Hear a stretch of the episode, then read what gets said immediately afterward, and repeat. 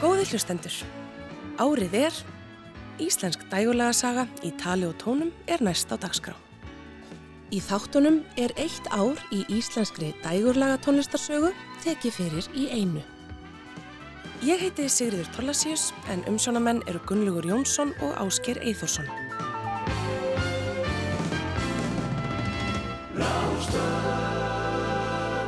Árið er 2001.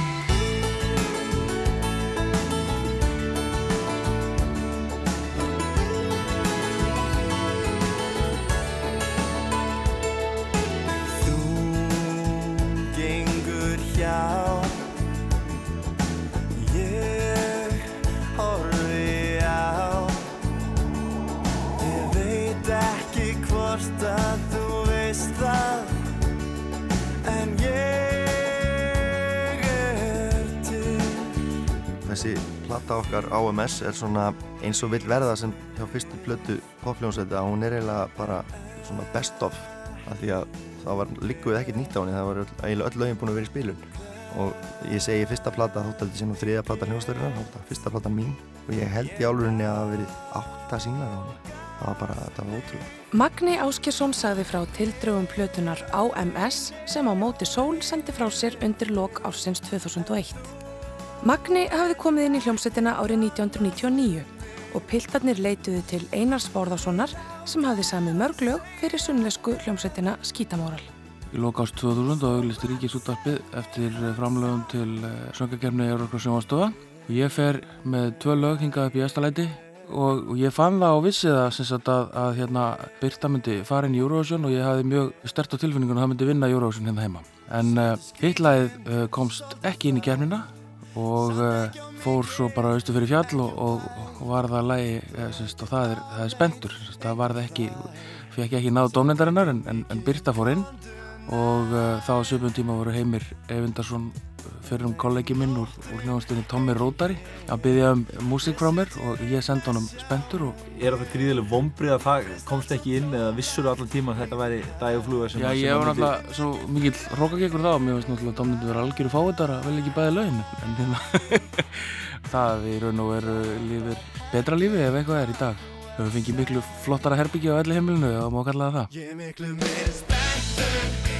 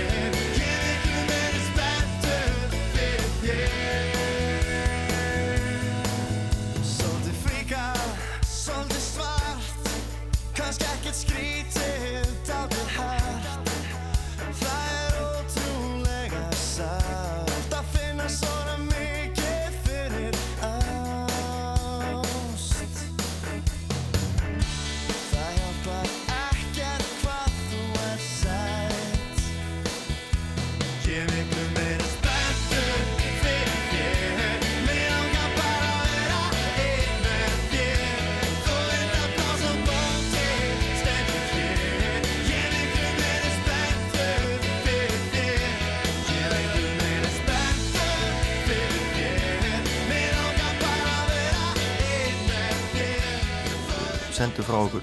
Nokkur lög og hittum þar á lag sem heitir Spendur eftir Einar Bárðarsson við nokkar þá gerist eitthvað, það er fyrsta sinn sem við áttum lagnummer bara lagnummer eitt.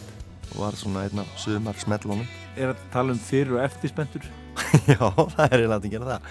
Áður en ég kem í bandi voru strákunni búin að eiga held ég einhverja þrjá svona útvarshittara sem voru æmi langar upp á því og djúvill er í flottur. Og lag sem heitir Sæl og þetta er allt svona mjög skaskotin lög en Spentur er svona fyrsta úber poplæðið okkar. Og þarna voru við semst konur í samstarfið Hafþór Gumundsson, pródúsant sem það tók upp með okkur tveirþjóða blöður og Haffi á bara þessi ár í íslensku poppi, hann var að pródúsera held ég bara meiri hlutan af popböndunum á Íslandi. Þannig að þarna kom einhver, kom þessi eitt faktor sem vantæði, Spentur er alveg rosalega poppalag og skemmtilega að pródúsera. Og þarna, já þannig svona urðum við, þá maður að segja, frægir á Íslandi. Þarna þurftum við ekki lengur að útskýra að við varum ekki SSO og Helgi Björns var ekki hljómsettinni, þannig að það var þetta komið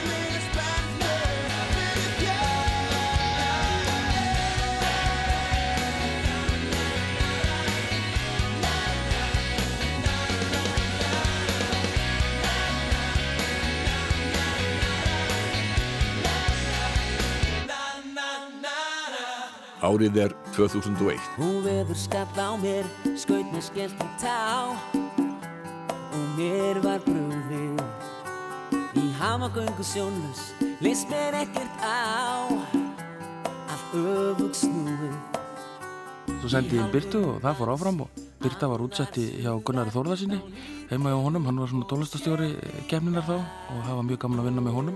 Hann átti hugmyndina að þessu saxofón að sönglínan eru likkuð inn í með saxofóni sem gerði mikið fyrir íslensk útgáfana og svo vann þetta lag þessa fórgefni, held að það verið áttalög sem keftu þá það ár og ég sá einhvern tímann síma niðurstöðuna og ég sá ekki betur en að lagi hafi verið sendt út með 53% atkvæði eitthvað svoleiðis. Einar Bárðarsson rifjaði upp sigurlægið í undankeppni söngakeppni sjónvarsins sem var haldina nýju eftir nokkur ára hlje árið 2001. Gunnar Ólafsson úr Skítamóral og Kristján Gíslason fluttu lægið en Rudd Reginalds var í öðru sæti með lægið Engin eins og þú eftir Hinga Gunnar Jóhannesson og Margret Kristín Siguradóttir í því þriðja með eigi lag Röttin þín. Mikið deilumál spratt upp um það á hvaða tungumáli íslenska lægið erði flutt í Eurovision keppninni í Danmörku. Mörður Átnarsson hafi flutt tillögu í útasráði hérna, stuttu áður en að fórkjæmnin fór fram hérna heima. Höfundar næstu ára voru bundnir til að taka íslenskan texta eh, með sér út. Þetta var mikið, mikið stöð og mikið hafari og mikið pólitísk baráta hann í einhverja tíu daga sko. Maður var með hérna, alla músikmafíuna með sér og þeir vildi náttúrulega ekki sjá að útastráða var ílutast með það á hvaða máli var í sungið og töldu broti á tjáningafrelsi og ég veit ekki hvað á hvað. Það er nú eiginlega í fyrsta skipti svona sem ég þurfti að stíga fram fyrir skjöldu þar að segja. Ég hef náttúrulega verið svona maðurinn og baka tjöldin og eftir það svona, já, eftir það var náttúrulega ekki aftur snúið. Þannig var, þá var maður svona þekktur sem einhver svona stærði í músikheiminum og menn voru orðinir ansi tögadrættir og, og hérna ég man sérstaklega eftir símtali og Rauðsfjörður Skarpíðinsinni formanni samfengingarinnar einhvern tíman að verða hálf tvö og aðfara nótt föstudags þar sem hann hérna tilkynnti mér og, og svona það væri nokkað búið að ræða þetta innan samfengingarinnar og þessi tillaga er borin tilbaka. Ég þurfti bara, ef ég hérna síndi svona smá byðlund og ef myndum aðeins slaka á þá hérna myndi menn á að stíga tilbaka. Og ég bara treysti því og ég man ekki hvort að daginn eftir eða hvort að það var mándeginn eftir forsýðu mynd DFF á, á mánudeginum og eftir það var sko bolludagur. Það var, það var sko mynd af Merði og, og Kristjánu og Gunnar sem voru að fara út með læð að borða bollur í tilumni sáttagjörðarinnar þetta var náttúrulega allsverjar villis sirkus frá upp að lenda. Kristján og Gunnar fluttu svo lægið á ennsku á parken í Kaupmannahöfn og kölluðu sér Too Tricky en lægið fekk nafnið Angel með ennska textanum. Uppskeran var aðeins þrjú stig og 20. og annað og næst síðasta sætið staðrind en eisnarska lægið Everybody bar sigur úr bítum.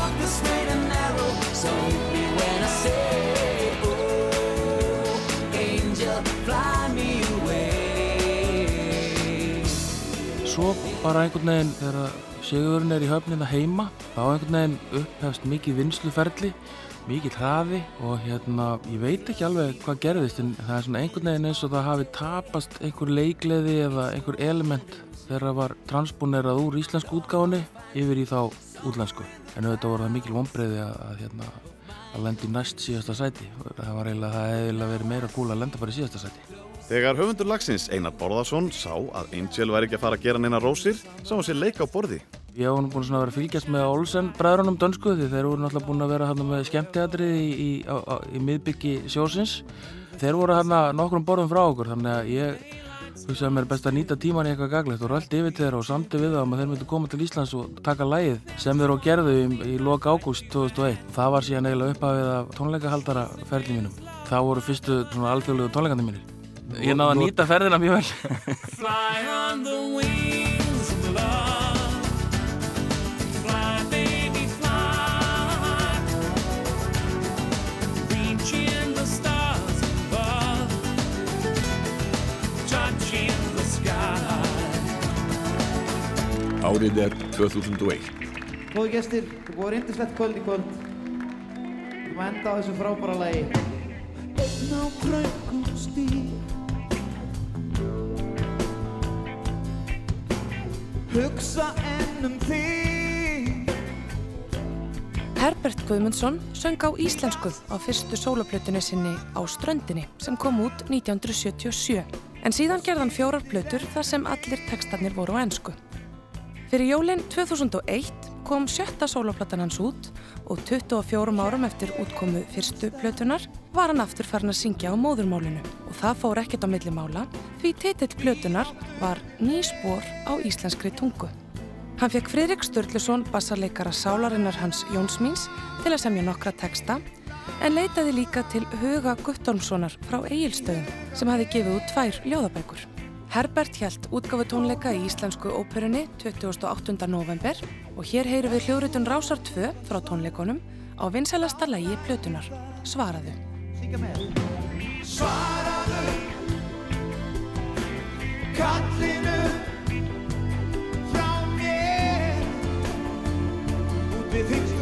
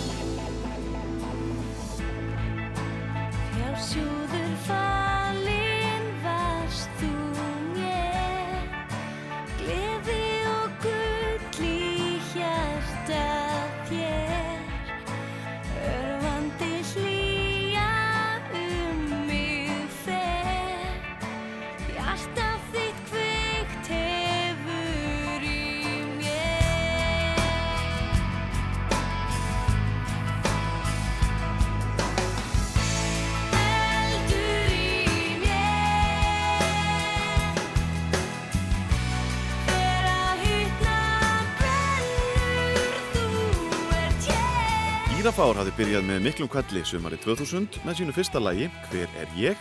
og hljómsveitin vakti mikla aðtikli með sönguruna Birgitte Haugdal í brotti fylkingar.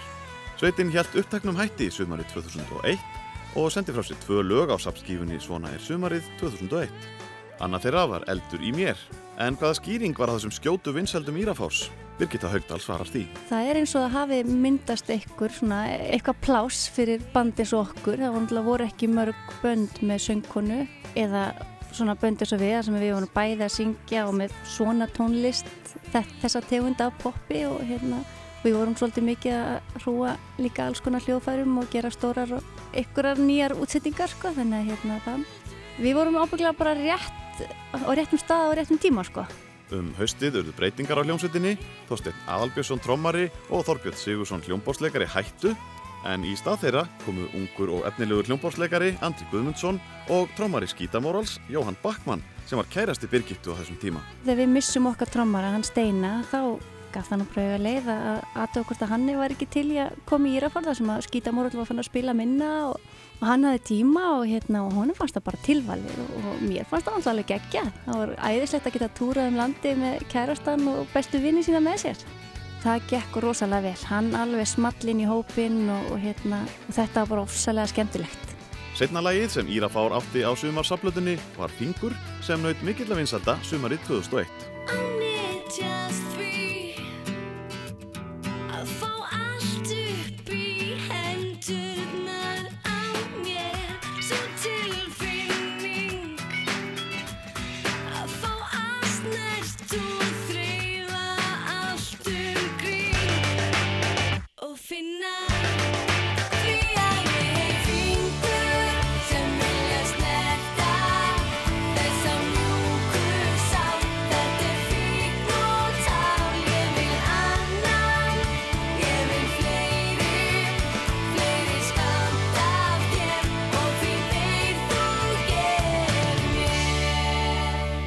Björgvin Haldursson hafði ekki gefið út sólaplötu í langan tíma þegar platan Eftirlýstur kom út fyrir jólinn 2001. Hann hafði engu að síður gefið út plötur með sléttu úlfonum, sint upptökustjórn og gert nokkrar íslandslega plötur með gömlum íslenskum dægurlögum í nýjum búningi.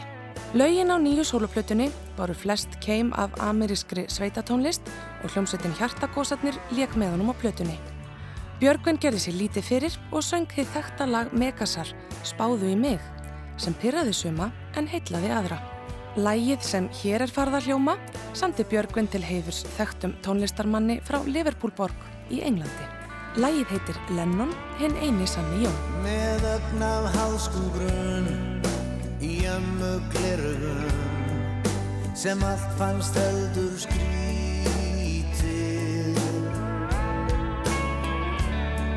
og ég hjartað fullt af þrá að nexla alla þá sem hugsa allt og lítið. Og aldrei skal það bregðast þegar reykið er lag menn lenda fyrir varir á tón. Sem minnir á þann sann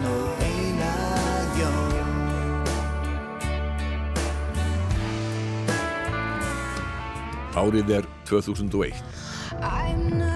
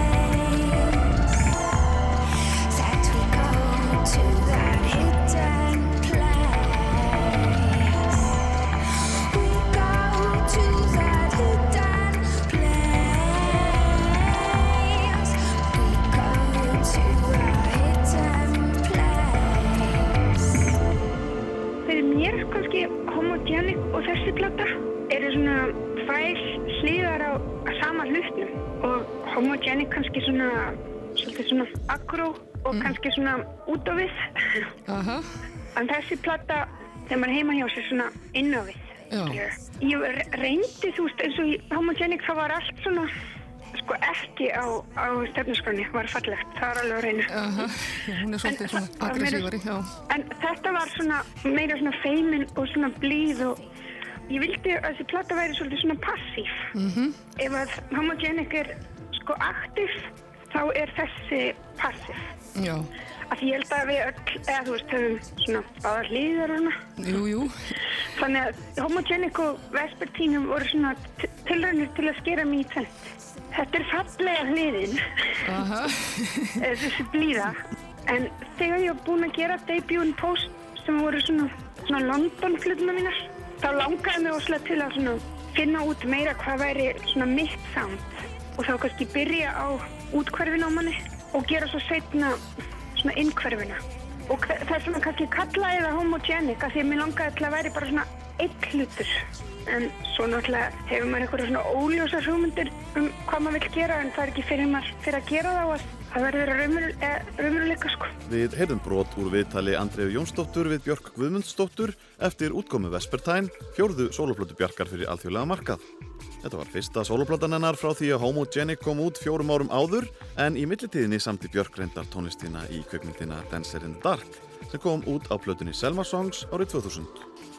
Á meðan Vespertine var í vinslu kom til greina að kalla hana Domestika sem vísaði til þess að hún var að mestu unnin á tölvu heima fyrir og var því eins konar heimilisiðnaður. Að þessu sinni samti Sjón ekki neina texta fyrir Björk og var vinslan frekar hrá og einlæg. Mínimaliskur heimatölvu hljómur var ríkjandi og settu hörpuleikarin Sína Parker og rafdúettinn Matmos sterkan svip á plötuna sem kom út 27. ágúst 2001. Platan var tilnæmt til Grammy-veluna árið eftir og hafði selst í rúmum 2 miljónum eintaka undir lok ás 2001 og hloti frábæra dóma hjá poppressunni út um allan heim. Björk hjælt stórtónleika í lögadarsöll 19. desember þar sem Matmos og Sína Parker kom við sögu en auk þess söng grænleskur kór með henni og meðlimir úr Sinfoníuljónsveit Íslands kom einni fram á tónleikunum.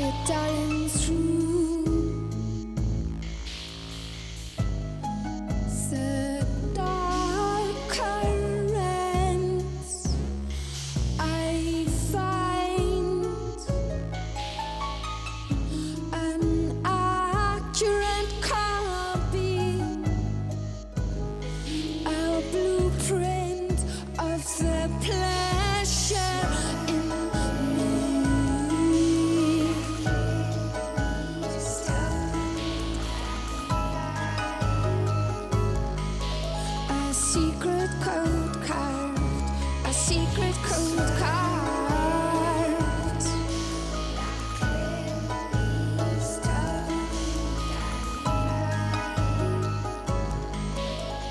Árið er 2001. Á þessu ferðalagi fylgjumst við að við eigum Öllítinn vonaneista fyrir hvort annar Í ljósum mánaskinni veljum mér stund og segi Ég myndi klífa hæstu hæðir fyrir þig. Ég væri ekkert án þín Myrkrið hverfur því að Lífið er yndislegt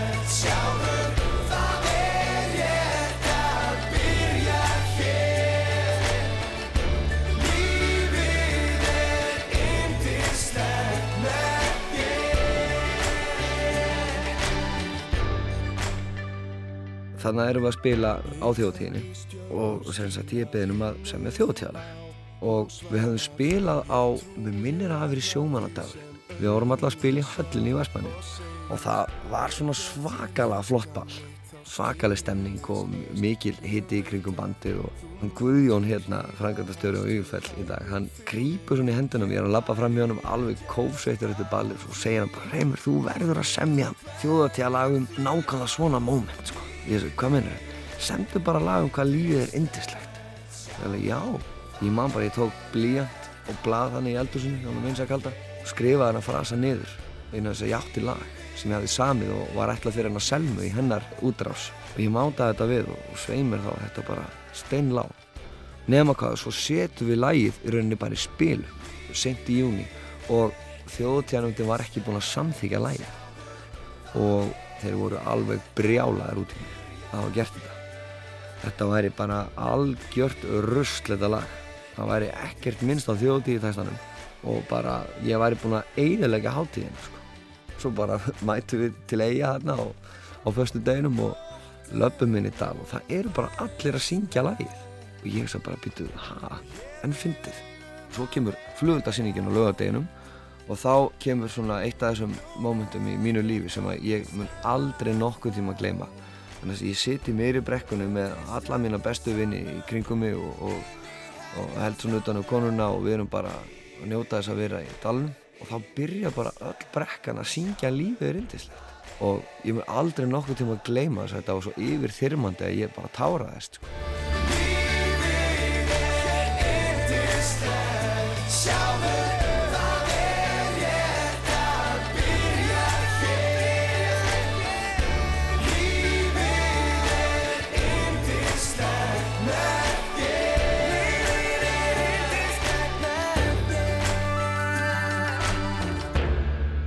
Reymur Örn Heimisson sagði frá þjóðháttíðalæginu 2001 Lífið er indislegt sem Reymur hefur sungið á sviðinu í Herjólsdal á hverju ári frá árinu 2004 og lægið er eitt af eftirminnilegustu þjóðháttíðalögum sem samin hafa verið. Ég er hvíta hliðin á svörtu Ég hata svikul hjörtu. Ég er sóknin ég er að þín Eftir að þú skellir á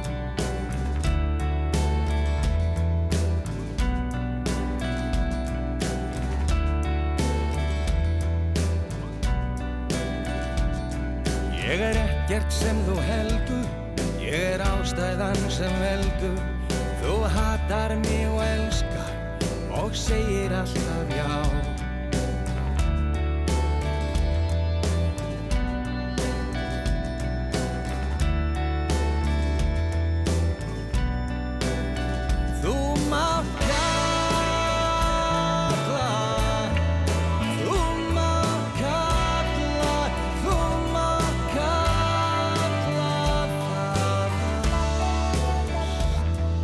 Lægið Þú mátt kalla það ást með Bubba Mortens og hljómsveitinni Stríð og Friður kom út á plötunni Svona er sumari 2001 í júli og var forsmekkurinn af plötunni Nýbúinn sem kom út í nóvember. Hljómsveitin Stríð og Friður var skipuð gítarleikarunum Guðmundi Pétursinni og Pétri Hallgrímsinni, bassalekarunum Jakobis Mára Magnúsinni og trómaranum Arnari Geir Ómarsinni.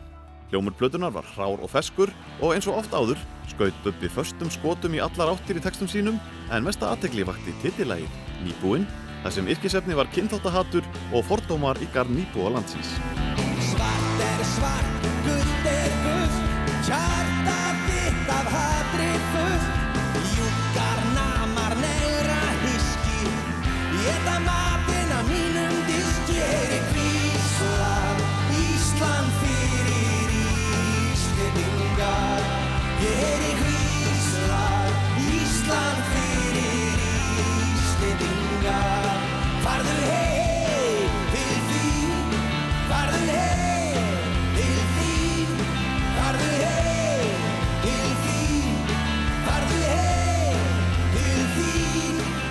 Árið er 2001.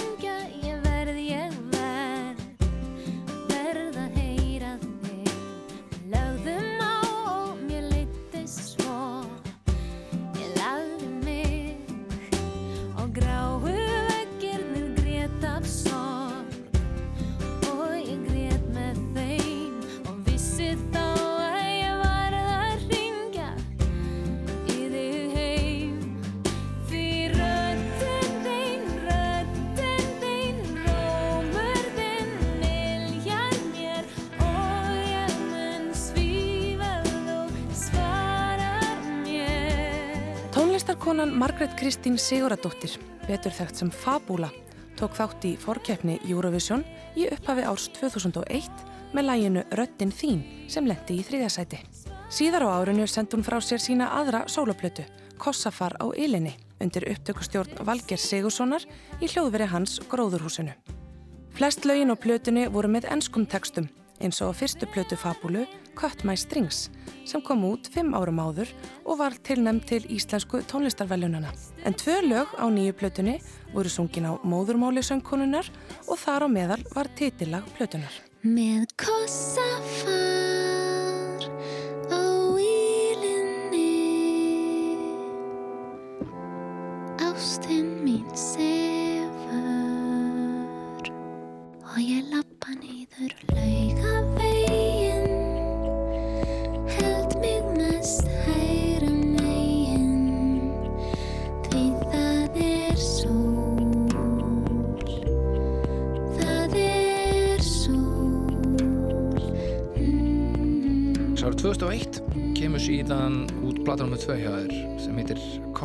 ylinni. Það er í rauninni allt öðruvísi plata, það eru vinnur með öðru fólki. Já. Hvernig plata er það? Hún er bjartar en þessi fyrsta. Hún minna prógrameruð, sko. Já, bara hefur svona ljósari, ljósari blæ. Já. Ég er þannig nýbúin að eiga fyrsta barnið mitt og var svolítið vín út af því. Já, það lítur nú að hafa haft áhrif á tónlistina. Já, tímanlega en það er titillinn, sko. Fyrsta lagið, titillagið, fjallar um barnið mitt, stelpunum mér. Með kossafar á ílinni Ástin mín sefur We had to come here and find out why uh, Sigur Rós and uh, Emiliana Torini and all these people were so good, you know. And that's why we come. And we'll see you. I have to go and change my shirt, so we're going to do one more song and then we'll come back. Is for Pally.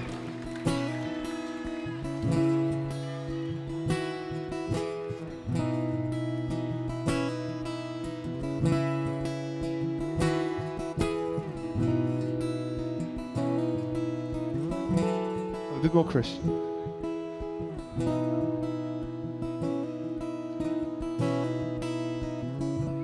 So you lost your trust and you never should have. No, you never should have.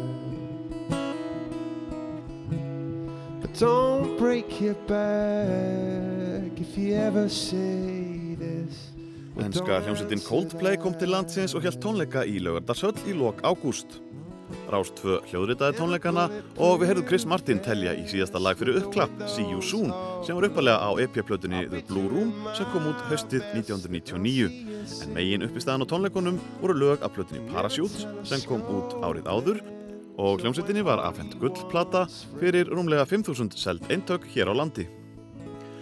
Coldplay tók líka sex nýlög á væntalegri plötu sem fekk nafnið A Rush of Blood to the Hell þegar hún kom út ári síðar. Liðsmenn Coldplay voru hæst ánæði með tónleikana sem á heimsóknina en pillarnir komu tveimur dögum áður til landsins og heimsóttu meðal annars Gullfoss og Geysi, Stokkseyri, Bláa Lónið og Chris Martin spreytti sig á brimbretti við strendur Þorlóksafnar. You.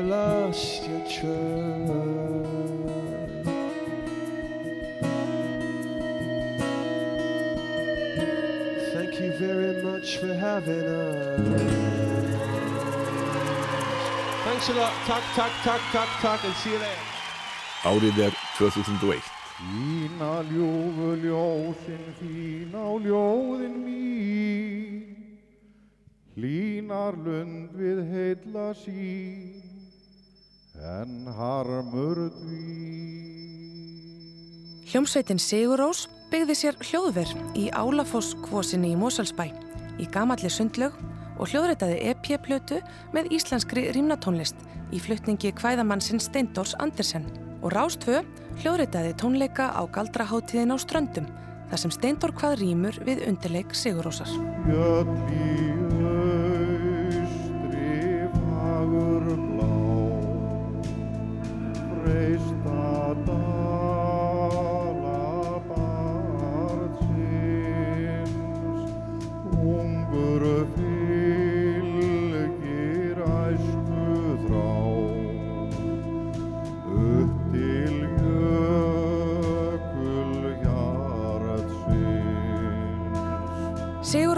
Fór í heljarinnar tónleikaferðum heiminn sem hófst í Amsterdam 1. apríl og var meira eða minna á tónleikaferðalagi út árið. Í bandaríkjunum gekk á ýmsu. Allt aðstóðarlið David Sletterman kom á tónleika þeirra í New York og í kjölfarið var piltónum bóðið að koma fram í þættinum í þrjár mínútur sem þeir afþökkuðu. Einfallega vegna þess að þeim fannst það ekki vera nægilega langur tími. Það vakti líka aðtekli músikpressunar vestra að trommarinn Lars Ulrich úr Metallica hilsaði upp á strákana eftir eina tónleikana og afhendi þeim bref þar sem hann lísti yfir mikilli aðdáun á bandinu. Undir lokársins kom svo út plata með lögum úr stórmynd bandaríska kveikmyndalegsturans Camerons Crowe, Vanilla Sky, með Tom Cruise í aðalutverki og þar var að finna lag Sigurósar Sveppgengla. En meðal annara flytjanda á plötunni voru Jeff Buckley, Peter Gabriel, Bob Dylan, R.E.M., Radiohead og Paul McCartney. Við komum hérna strákarnir Góðu stuði í Jónsi, Kjarri og Goggi í Við förum sumarúndin í Jónsi er með gítarinn og fiðlubogan sinn. Og Kjarri plokkar bassan sinn. Þið snertið ekki bassan minn. Við erum Sigurós Alltaf stuði í Við erum Sigurós Þið megið treysta því. Tvíhjóðapiltar sendur frá sér sína þriðju plötu, konunglega skemmtun og enn á ný var uppistaðan Valdir Sketsar úr útastáttum Jóns Gnar og Sigur Jóns Kjartanssonar í bland við nokkur ný lög þar sem gert var góðlallett grínað velvöldum tónlistarmönnum landsins. Og við heyrðum brot úr stuðlæginu um Sigur Rós. Hamagangur, ég þurfti niður að læknum Bjargvættu Ég gerði skip tilbúið og fór með litla bæn Því ég var hrættur Sólinn skein og lækurinn sillaði Sólei, sólei, flugurnar drepa Þetta er hugmynd frá Kalla, trómuleikara. Hann var með þetta, hann varst þetta rosa myndið. Og við pröfum þetta bara og þetta virkaði bara skemmtilega. Og ég var að vinna upp í sjónvarpi sko þessum tíma og Steinn Ármann var keli. En við vorum stundum að fara í háttegin og fá okkur hérna, pizza og bjór. Fengum hann með okkur í þetta sko. Og ég man, að, ég man þegar ég fór sko upp í stúdíu hjá Sigurós. Bara til að fá leiði sko. Þeim fannst það bara skemmtilegt. Þetta var svona fyrsta lægið myndi ég segja sem að fekk svona almenna spilun af lögunum sem ég held að ég hafi gert sko. Svona fyrsta lægi sem að heyrði sjálfan sig í útvarpinu. Guðmundur Kristinn Jónsson sagði frá því hvernig það kom til að hljómsettin Fálkar frá Keflavík reyðast í að gera nýja útgáfu af Sigurósarlæginu Flugufrelsarinn. En þar leittu saman hesta sína leikarin Steinn Ármann og Sigurður Guðmundsson sem hafði ný uppgötvað linda sönghæfileika. Lægið kom út á annari plötu Fálka sem var sex laga stuttskífa og bar nafn hljómsettarinnar.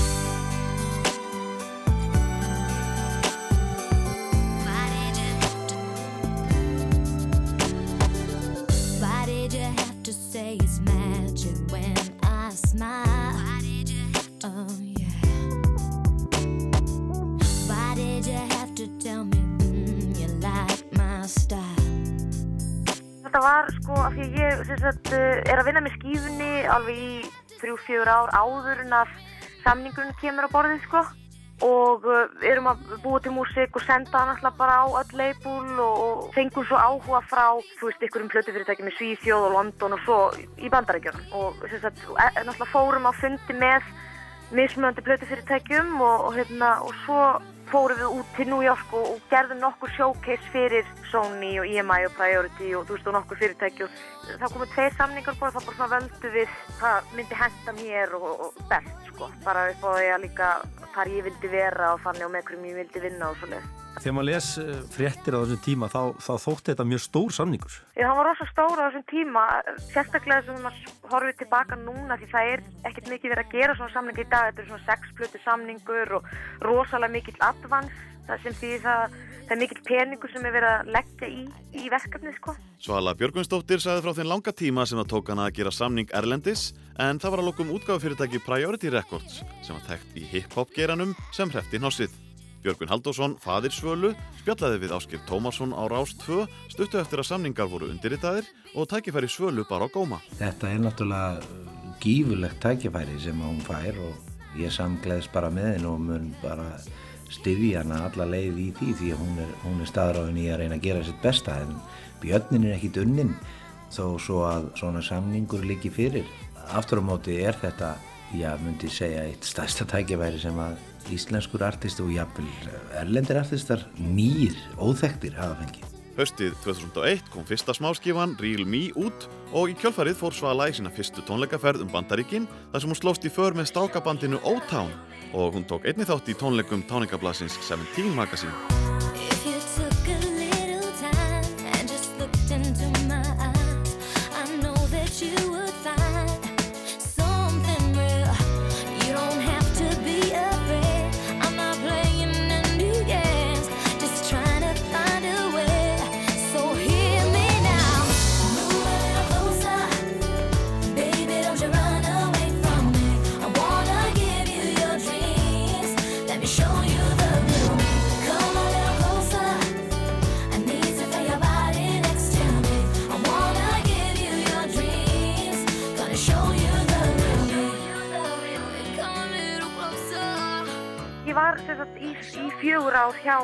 40 í mæ og um leið og ég skrifa undir þá náttúrulega var ég bara með annan fótinn erlendis og var túst að semja plötuna og músík og vinna með mismundir lag og höfundum og pródusentum og, og ég rann að vera bara að vinna plötuna sem átti svo að koma út 2001 í september. Og svo gefa þér út smáskifina mín hann að sömari 2001 sem er Rílmi, gefa hann út og hún smáskifan gengur bara ágætlega og kemst þarna á top 40 á Billboard listanum og þannig að ég, þú veist, fór og túraði, þú veist, tvo Amerikutúra í Þýskalandi og, og svona mikið press í kringum það og þetta er náttúrulega mikil vinna. En svo er, er, farið að halla undir hjá fyrirtækin hjá Priority þarna í byrjun 2001 þetta er náttúrulega eitthvað sem ég vissi ekkert þá en svo vissi ég það bara eftir á. Þá var það svona halla undir fa- fæti sko fjárhagslega hjá þessu fyrirtæki og eigandunni tveir sem að uh, sænuðu mig svona mest rosalega upp á vinskapin þar og þeir fara báður í það að vilja selja sinn hlut og selja sig út af fyrirtækinu sko. Og Capitol kaupir, þess að Capitol Records kaupir í raun og veru mjög, eh, ekkit rosalega miklu verði út af því að þeir selja akkurat e- eftir 11. september. Capitol er bara að kaupa fyrirtæki bara til að kaupa músíkina, sko katalógin sem að þetta fyrirtæki átti. Ekki til að gefa hún inn á músík eða framleiða plötur en eitt bara til að kaupa sem sagt alla þessa músík sem að þeir átti. Þá náttúrulega er ég bara einn af einhverjum 30-40 artistum sem er bara left hanging, skilur Já.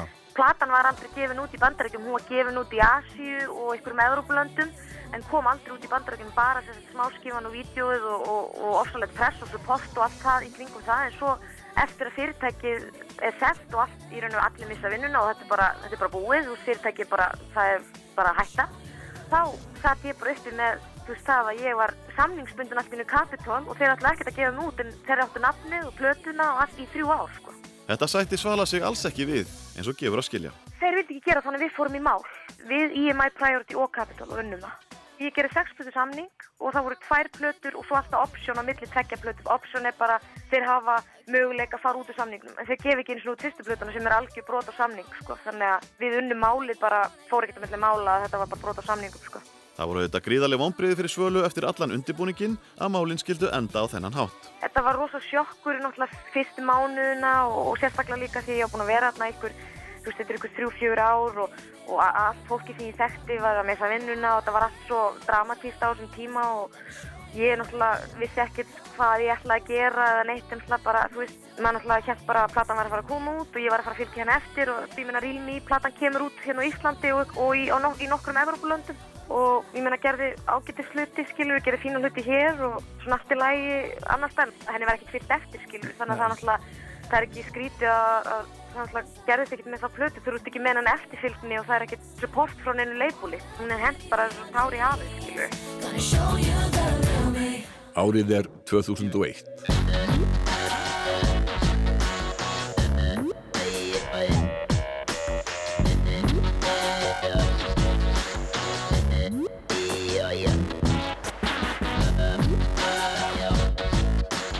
byrjar á, á hérna, mjög skemmtilega lagi sem heitir Enter Spacebar. Hvaða pæling er í gangi hér? Þetta er einhver svona rosaleg collage af einhverju endalausum synda soundum og, og liklaborð á svona Já.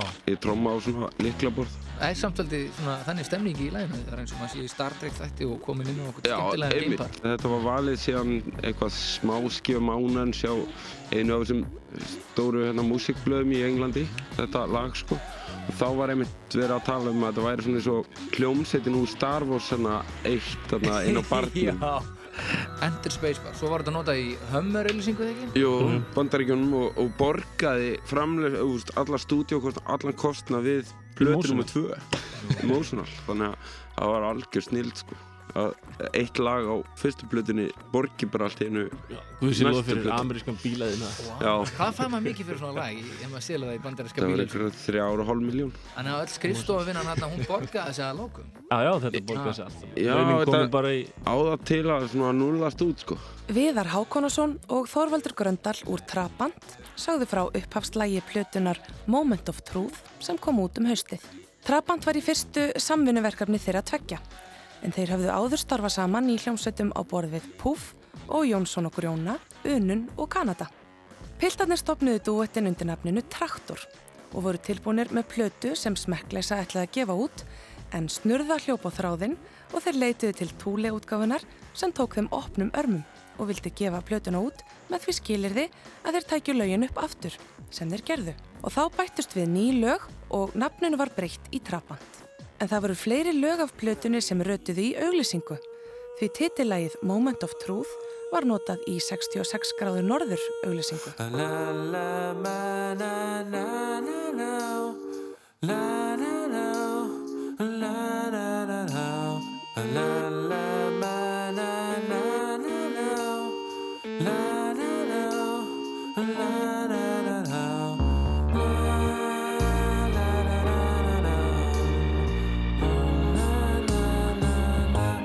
Einn af gestunum á fyrstu plötu Trabant var myndlistamæðurinn Ragnar Kjartansson sem sönglægið Superman og þegar fjölgaði í bandinu á nýju ári gerðist Ragnar söngvari sveitarinnar.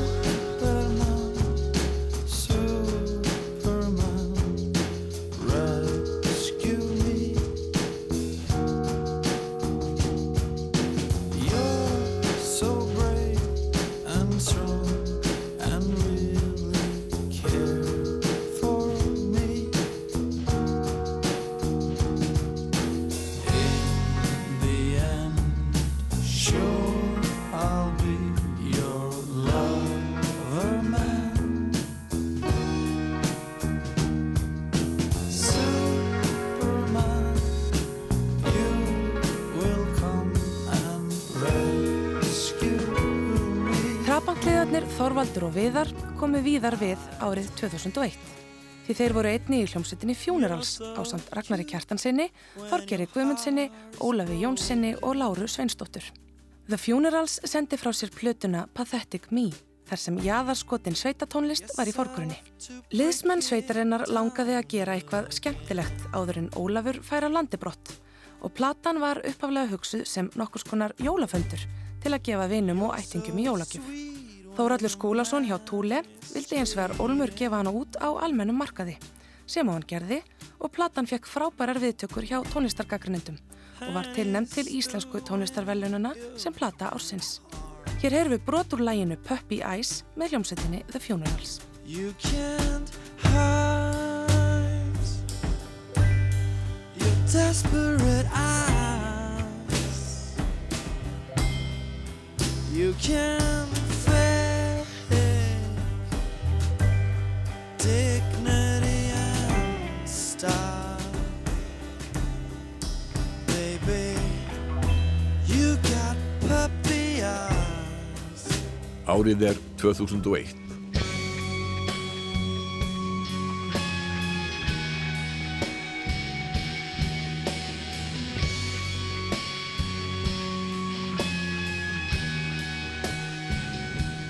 Í upphafi ás 2001 voru Arnar Guðjónsson og Hallur Hallsson að vinna saman tónlist og fyrir algjörða tilviljun rataði lag með þeim inn á borði hjá Virgin Records í Bandaríkjónum.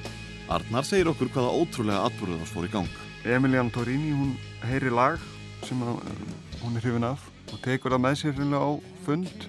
Hún var á einhverju fundi sjálf bara og, spilaði þetta fyrir sagt, fólkið á fundinu. Og það var nóg til þess að boltin fór svona að rúla. Þeir ringja bara hreinlega í okkur strax og, og tala um að vilja hitt okkur. Og allt í hennu er bara allur bransin reyni að reyna að ná samningi við okkur. Og við nánast svona fáum að velja úr bara hvaða fyrirtæki við viljum vinna með. Og það fá alltaf þess að hafa spilað á tónleikum? Uh, já, við vorum rauninni búin að ákveða okkur fyrir fyrstu tónleikana, hvað við ætlum að vera. Það sem gerist er, eh, eftir þetta símtal hérna frá Ameríku, þá drífum okkur bara að stopna hljómsitt. Því við vorum bara rauninni tveir og þetta við bara í bestu vinnu okkar og, til að hafa þetta skemmtilegt. Til dæmis Hallur, hann, hann var bara svona byrjandi á bassarunni og Arna sem kom inn í hljómsdina á gítar. Þannig að við þurftum bara að æfa mikið og, og bara til að verða almennilega you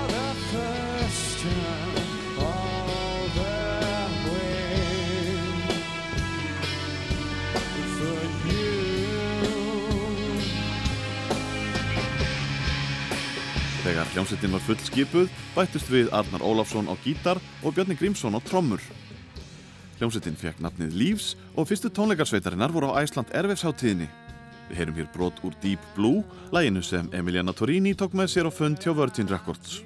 Áður en Leaves spiluð á Airwaves voru strákarnir með í höndunum samningstilbóð frá mörgum að helstu hljómplötu fyrirtækjum heimsins. Við upplöfum aldrei einhverja pressu, við vorum bara að skemmta okkur og vorum bara nóg kæruleysi reiknaðinn til þess að þetta var bara, væri bara gaman. Tónleikandi gengur vel bara? Já, með við allt, já, þá gengur upp rákiðlega og hérna, fólk var ánægt með tónleikana og hérna, við erum bara mjög sáttir. Sko.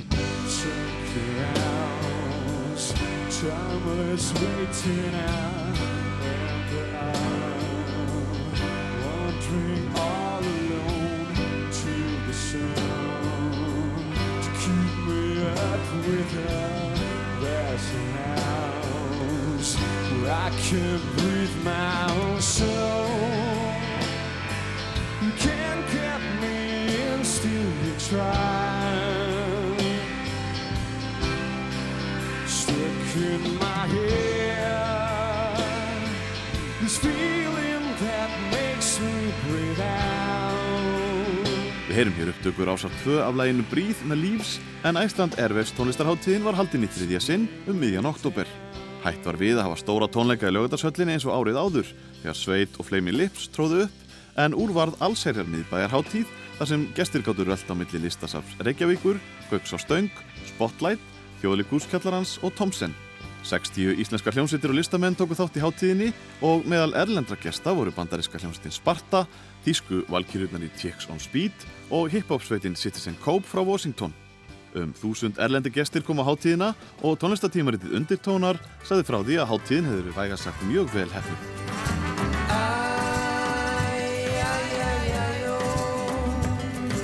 Sem held ég gæti aldrei fengið nóg.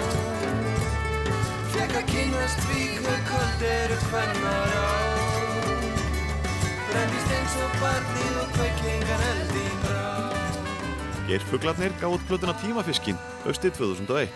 Þetta var þeirra fjóruða plata ef tónlistin úr leikritinu Trúðleikur er talið með og sveitin var þekkt fyrir grípandi fjöruga tónlist, gráglætna texta og einskjæra gleði. Hildarhljómur tímafiskins var akústískari en á fyrir plötum og gætti alls konar áhrifa í lögunum 13, þar á meðal frá austur-evrópskri og söður-amerískri tónlist.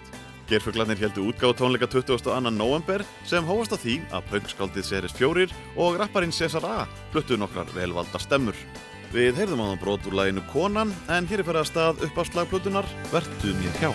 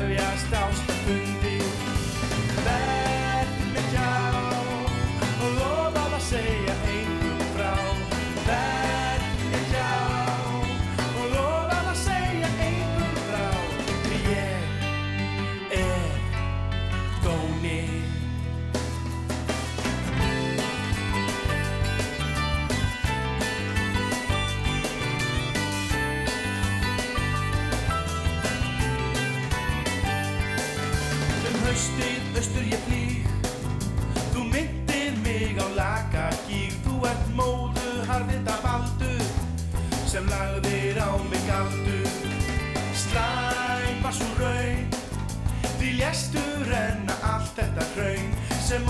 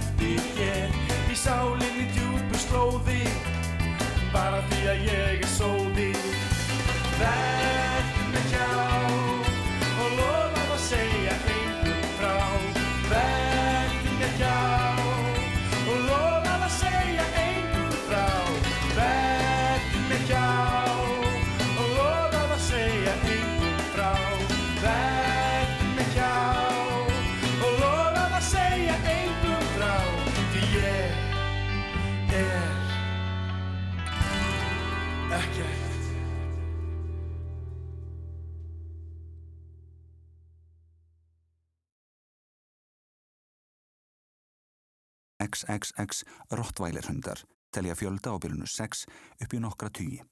Ólíkir innbyrðis en mynda eina sterka heild. Þeir hafa allir komið fólki eðlilega fyrir sjónir sem sínir, feður, frændur, nemar, danskrágerðamenn og tónlistarmenn. Þeir göpuðu ótrúlegasta fólk en eru í raun alþjóðlega glæpasamtök með pólitísku ífafi. Árið er 2001. Já, þetta er nú Ómar Ragnarsson en svo eru að þvælast inn eitthvað í kringum með þessir XXX Rottweiler hundar. Bara hýja á ykkur, þeir eru aumingjar og verið skítrættir þegar ég geri þetta við ykkur hundandir ykkar. Velti mér högstalega upp úr hugsunum Hætta, ég er ekki á þeim buksunum Erfiðari anstæðingum með þér. Er ég vanur, heimilislaus? Það búið að loka keisaranum. En það er allt í góðu því að böndi mikil menni. Viti með með þín að segja Eigi dósir handa henni. Hvert haflegur ríkup, það er þess sorg Svipar þó að segja að bend sé ekki góðsögn Að bendi til hins anstæða Textalega tæknivæða Hýpa mikill að gæða. Ykkur mun ég ávallt hæða. Alltaf næg er rýmur alltaf háð. Ég rýmar akkur snáð. Gæta þó ég þegar tindinum náð. Ef þú batla mig þá er ósögn næstu grössum Myndir rústa þér með báðar hendur í vöslum Nú er komið að loka nikkinum. Ég kreð þar upp á rás sem standast ekki stikkinu Þú ert nú satan aumingi og emjandi og vælandi. En með stóru tá ég stík á þig. Híjá, híjá, híjá, híjá XSX Róttalhundar með XSX Róttalhundum var oft kallið fyrsta platan á íslensku, rapplatan. En rauninni kom hérna César A-platan um daginn áður og hérna skiptuplata um einhverjum mánuðum en þetta var svona langt stærsta svona platan. Skiptaplatan það var bara einhver fimm lög og amma með tennar að safa gátt kassett árið 91 ég myndi samt segja að þetta er svona, já, César. Rottweiler það er það svona fyrstu og svona almenn útgáðan, alveg massíf dreifing á þessu og þeim tíma sem fólk kipta það frá getladiska það var svakalig spenna, daglega komið krakkar inn í alltaf þessar plötubúður og spuru hvena kemur þessi senkun hún magnaði upp spennu og beigði eftir plötunni Erpur og Bent sögðu frá fyrstu plötu XXX Rottweiler hunda sem var samnefnd sveitinni og við heyrðum brot úr læginu Hí á þig sem var byggt á samnefndu lægi Ómars Ragnarssonar og var höfundurinn gestur í læginu. Rottweiler hundar höfðu borið sigur úr bítum í músiktilunum árið áður og var stemt á plötu strax um haustið sem Japis ætlaði að gefa út. Liðsmenn sveitarinnar riftu hins vegar samningnum og skrifuðu undir hjá skífunni og þegar platan kom loksins út ári síðar hafði myndast mikil eftirvænting fyrir henni hjá aðdándum sveitarinnar. þegar platan kemur þá er hún búin að frestast rauninni þannig séð um, um ár sko. en var fyrir vikið miklu stærri og ég man að þegar ég var á fundum hann upp í skífu þá voru þeir bara að þessi plata bara að vera 40 mínútur. Bara því að alla plötur eru 40 mínútur. Og ég segi alltaf bara það er ekki sén sem ég nakkur í fjöndan eftir að vera við erum með svona mikið af geðvöku efni. Þannig að ég fór eh, heim og tjekkaði á uppáhalds plötunum mínum. Doggy Style með Snoop og fleira þær voru allar miklu meira en 40 mínútur þær voru allar á svipaðar lengt og Rottweiler fyrsta sem er meira en klukkutíma Alltaf hvað ritsko okkur hefði bara ekki meikar þetta sens frá bara markasfræðilegu sónum eða heldur svona. Þannig að fyrir þeir bara sem náungar sem vilja græða pening, þeir náttúrulega fara ekki að ritsko okkur þegar það er svona, sem er að veikja svona mikið umtal. umtal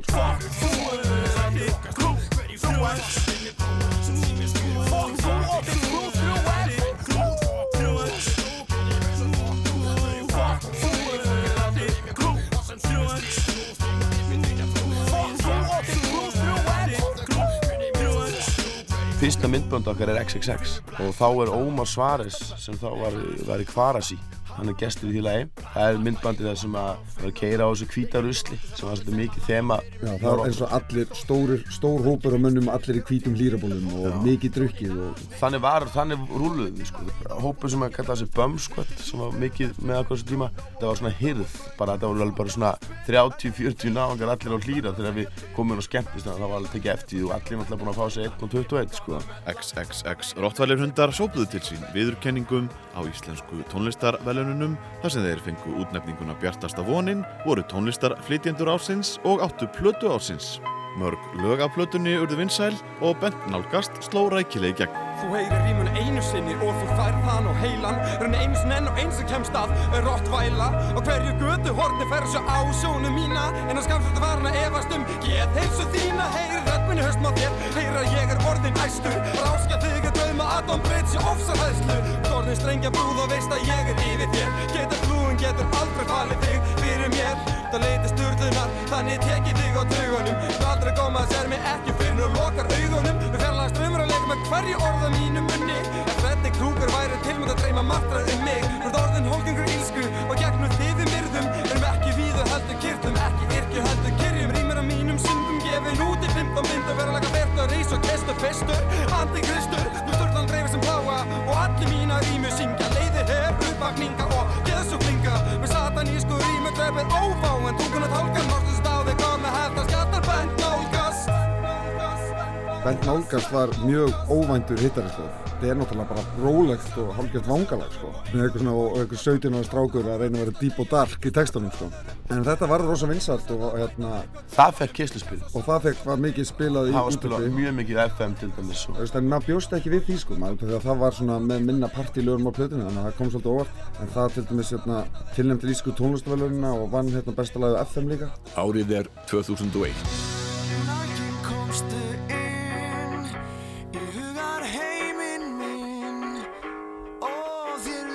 virtist líka það. Sveifstu reikinn um á lóri alvængjum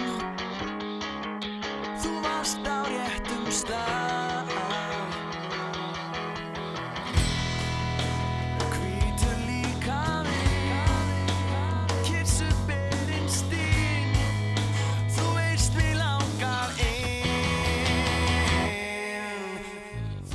inn Við vorum búin að finna leiðir til þess að slá í gegn alveg í nokkur ár. Og hérna endaði með því að okkur að benda á Hafþór Guðmundsson sem hafi verið að taka upp fullt af flottum poplugum og gera góða hluti sem- upptökustjóri. Og við leitum til hans og komum með lag sem við töldum vera svona frambærilegt. Og þá sagði hann svona, sagði hann svo skemmtilega við okkur já, þetta kannski hefur smá potensial en við verðum að taka setna meirið úr því og hérna við skildum þetta ekki fyrir næðið setna þegar nækinn var svo komið vel á veg þá var komið eitthvað sound sem að við, við sem að erið eitthvað sko. og þarna var búið að taka setna, setna meirið úr því. Og hvað áttu við með því? það líktist bara svolítið mikið setna meir með, með Pétri Kristjáns. Og við vorum alveg hérna híminn lifandi þegar við heyrðum soundið sem að kallið hann komið með. Þetta var alveg nýtt. Og þarna var komið stegi fram að sviði nýr, nýr söngvari faktist. Og alveg nýr rödd og, og nýtt sound og þetta greinlega við vorum hann alveg hárið um tíma Einar Örn Jónsson, hljómbórsleikari í svörtum fötum, sagði söguna á bakvið lagið Nakin sem var fyrsti smellur sveitarinnar og kom fyrst út á saflutinni Svona er sumarið 2001. Hljómsveitin kom svo sterk inn á sveitabalamarkaðin um sumarið.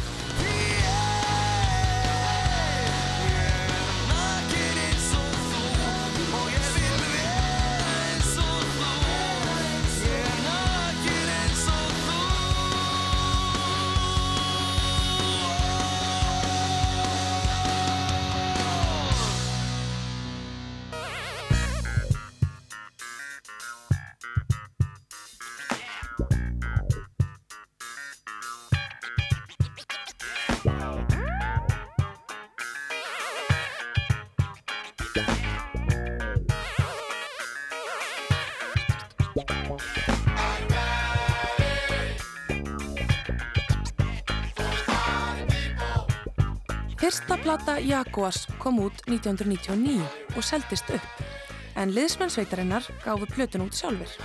Jaguar gerði svo samning við Eddu útgáfu og önnur platan Get the Funk Out kom út í júni 2001.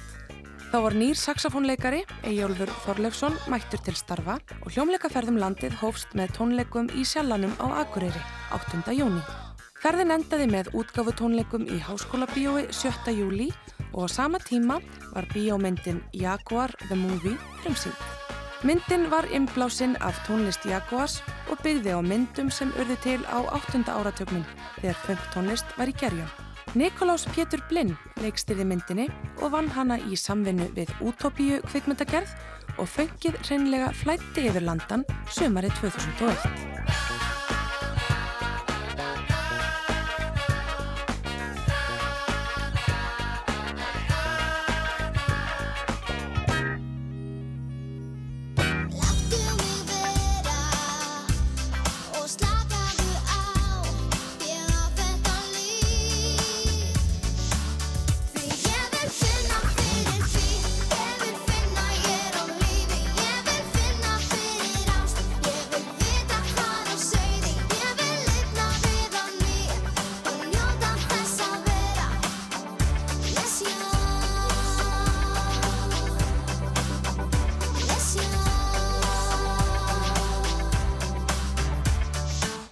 Ungstyrnir Jóhanna Guðrún Jónsdóttir sló rækilega í gegn með fyrstu plötu sinni og var hún valinn besti nýliðinn þegar tónlistaverlun unga fólksins voru veitt. Strax var farið að huga að nýri plötu og leitað til lagasmiðina Þorvalds Bjarnar Þorvaldssonar, Einars Borðarssonar og Magnúsar Þórs Sigmundssonar sem lögðu til fjögur lög. Einnig voru nokkur erlend lög með íslenskum textum á plötunni sem hétt einfallega Ég sjálf og titillægið eftir Einar Bárðar hljómar hér undir. Platan kom út um það leiti sem Jóhanna Guðrún varð 11 ára gömul og náði gullplötu sölu um miðjan desember. Hún hafði meiri nóg að gera en tók þessu öllu af stóískri ró eins og heyrðist þegar rætt var við hana í útastættinum Poplandi á Rás 2. Þú ert bara eiginlega uh, komin í svona alvöru fullorðins vinnu. Plötu útgáfu er þetta að keppa við- allar gömlu hljómsveitirna, Sálinu Sjónsmíns og Bubba Mortens og svona. Hvernig finnst þér það? Mér finnst hérna ekkert vera að keppa við neitt en Nei.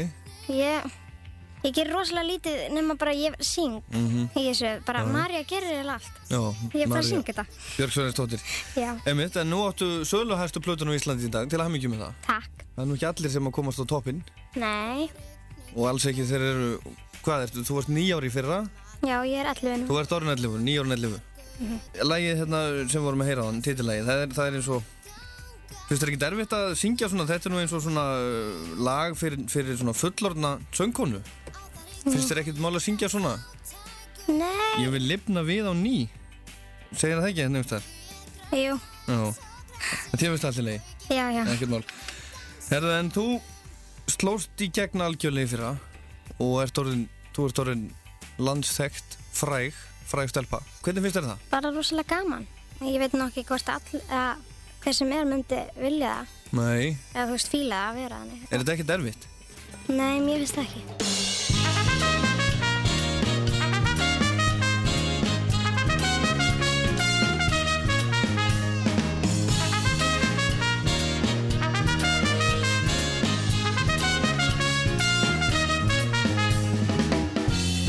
Meðan við byðum eftir vorinu. Þá kom hún eftir sporinu. Hún flutti með sér sólina. Það var gömul einrei Gul og rauð og blá. Og þó ég væri á heimleið Ég varð að koma og sjá Hvað gengið Miljónumæringarnir gá út plötuna Þetta er nú meiri vittlisann vorið 2001 og þar komuðu sögu allir fimm söngvararnir sem höfðu starfað með miljónum undarfærin áratug. Þetta voru engi smákallar, Bókumil Font, Páll Óskar, Raggi Bjarna, Bjarni Ara og Steppi Hilmars. Karl Olgesson kom nýr inn í bandið um áramótin 2000-2001 og útsetti tónlistina á samt því að semja þrjú ný lög á plötuna og eitt af þeim var Mambolestin sem Bjarni Arason söng en það lag sem vekti hvað mesta aðtikli á plötunni var tökulag úr smiðju Kurt Cobain og félaga í Nirvana sem kom uppalega út tíu árum fyrr. Uppafslag plötunar var nefnilega Smells Like Teen Spirit sem Ragnar Bjarnason söng í Tja Tja Tja útsetningu. Raggi hafði aldrei heyrt lagið áður en hann hljóðritaði það þó svo þetta hefði verið eitt af allra vinsalastu lögum árana 1991 og 92.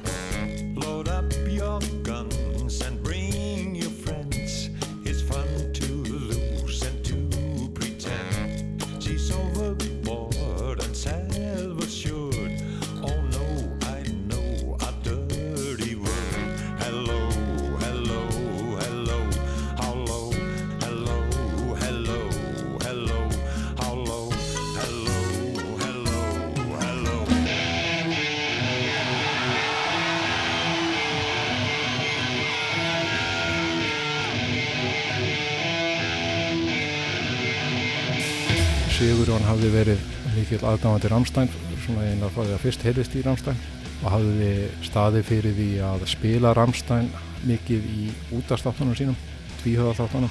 Þeir eru svona ítt undir vinsaldunar á Íslandi og Sigurjón hafði lofað einhverjum á gangstétt að ef að honum tækist að koma Ramstein til landsins þá myndi hann endurvekja hann til að hitu og svo var það sem sagt borið á okkur þetta lofár þegar Ramstein skrifuði undir. Og við letum til leiðast einhvern veginn, skelltum okkur í það það var svo merkilegt að þegar að við hættum með hljómsveitina 94 og vorum allir kannski orðnir daldi leiður okkur öðrum að þá urðum við svo ofsalega góðir vinir aftur og fórum að spila saman í hinum og þessum grúpum og, og vorum í raun og veru miklu meira að vinna saman heldur en við höfum verið kannski hérna til lokin á ham. Þannig að það var mjög eðlilegt framhald að gera það bara undir gammalnafninu menn voru náttúrulega búin að vera að spila eitthvað í öðru þannig að við vorum kannski bara orðnir betri hljófaraleikara líka í bandinu en þegar við komum þarna saman aftur þá eiginlega fórum við sko hlustuðum á gömlu plöturnar og pældum aðeins í því hvað við höfum verið að spá og fundum svona einhvern grunn tón, einhvern grunn ham tón sem við höfum verið með mjög skýran í upphafi en höfum kannski týnt síðan í meikinu og poppinu og, og progginu eftir sem að leiða á ferilin þannig að uh, það var eiginlega fyrsta verk þegar við vorum að æfa upp fyrir þessa endurkomu var að velja náttúrulega skástulögin úr og hæja svo á öllu og ná þessum svona hamdrunga. Óttar Proppe sagði frá óvæntri endurkomu Ham sömari 2001 í tengstum við heimsók þýsku rockljómsveitarinnar Ramstein. Ham hitaði upp fyrir Ramstein á tónleikum þeirra í Laugadalsöll og til að undirbúa sig sem best heldu þeir tónleika á Gaupnum sem Rástfö hljóðritaði og Edda útgáfa gaf út undir lok árs undir nafninu Skert Flók.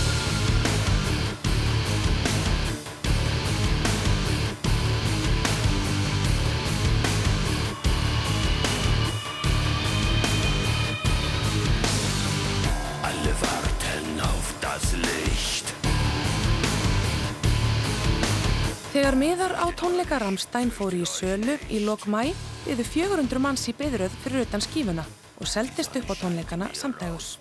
Tónleikahaldarar brögðu snarlega á það ráð að halda aukatónleika daginn eftir og seldist einni upp á setni tónleikana á meðtíma. Þetta kom liðsmönnum sveitarinnar í opna skjöldu en Þískarokkið sveik ekki í lögadarnum sömari 2001 þar sem bóði var upp á heljarinnar rocksýningu með eldvörpum, flugeldum og sprengingum. Árið er 2001.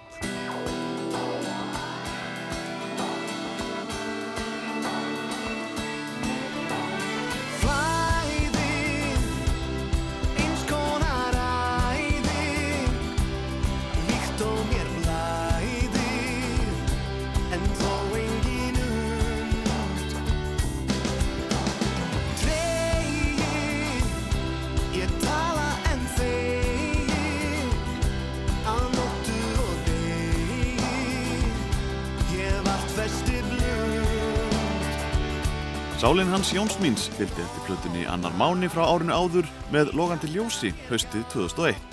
Þetta voru nokkus konar tvíburaplötur þar sem átti finna ákveðin samhjóm og undirleikjandi þráð sem leiti til söngleik sem fekk nafnið Sól og Máni.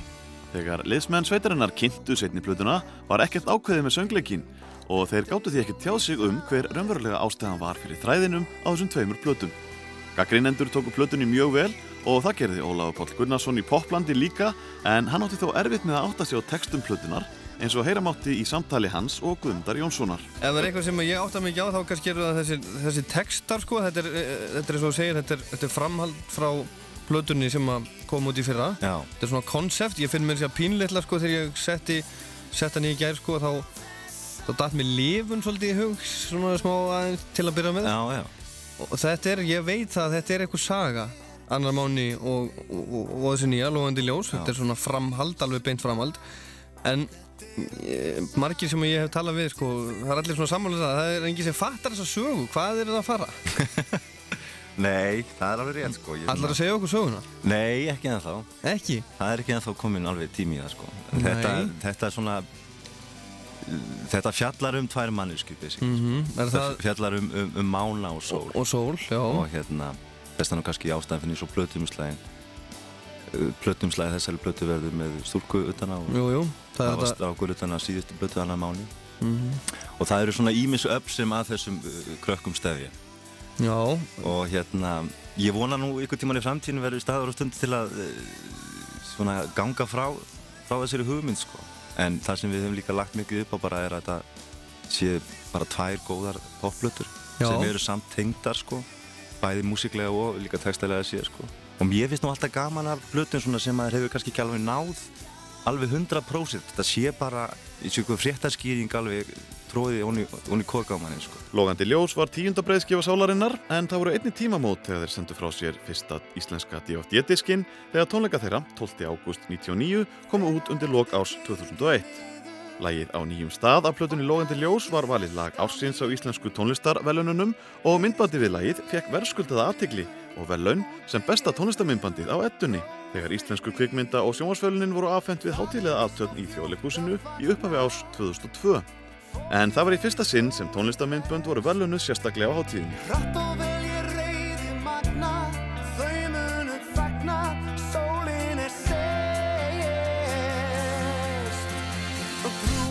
Og treysta á það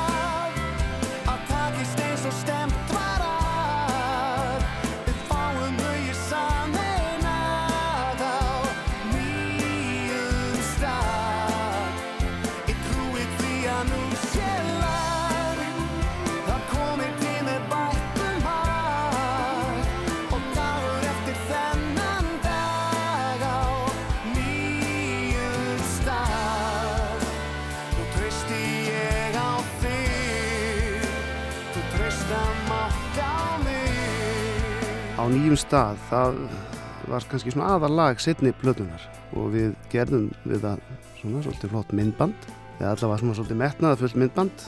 Ef ég mann rétt þá hlaut það nú ettu velunin eða einhvers konar velun í kjölfarið. Og þetta var mikið ævintýri þetta myndband. Við vorum kallaðir út á land og þetta tók eina tvo daga held ég. Jóhanni Hjálfsson er einat minni staði senan sem hann leikur í. Þar sem hann taldi sig vera í svona method leik við að dýfa keksjón í kaffibólla í vegasjópu við hellu Þetta tekur svona eins og halva sekundu í myndbandinu og hann valla sérst en þetta tók einn og halvan sólarhing að ná þessu skoti. Og Guðmund, um Guðmund má segja hans eh, viðveru í þessu myndbandi, hann var með okkur einn og halvan sólarhing en það var ekki tekin einn sekundu upp á hann og hann þurfti að mæta aftur daginn eftir nýra á muðferðarmiðstöð til þess að skila sínu partí. Þannig að þetta er nú stundum svona í bransanum, það er mikið hángið en lítið gert. Eins og trómarinn í Rolling Stones orðaði einhver tíma þegar þeir fögnuðu 25 ára ammali eins og við erum að gera í ár og hann var spurður hvort hann velta var ekki, var ekki orðan svolítið þreyttur á þessu, þetta var líjandi. Hann sagði, blessaðu verður maður, þetta er ekki nema kannski svona 5 ár spilamennsku og 20 ár í hangsi. Árið er 2001. Þú sem vakir, vakir sefur, vefur örmum sem möttur, moldu gefur, miklar þakkir þér ég kann. Móðir milda jörg, móðir milda jörg. Egil Ólafsson sendi frá sér sína þriðju sólaplötu á fyrstu í tíu ár. Platan ber nafnið Angelus Novus og Egil vann plötuna með Eithori Gunnarsinni og Guðmundi Pétursinni í stúdiói Sýrlandi, en allir 800 styrði upptökum.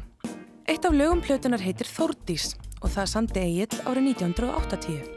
Lægið var lengi vel á tónleikaprógrami hins íslenska þursaflokks í upphafi nýjunda áratugarins og var eitt af lögunum sem átt að fara á óutgefna plötu þursaflokksins sem bar vinnu heitið Ókomin forneskja. Þórdi, sérð ekki fugglinn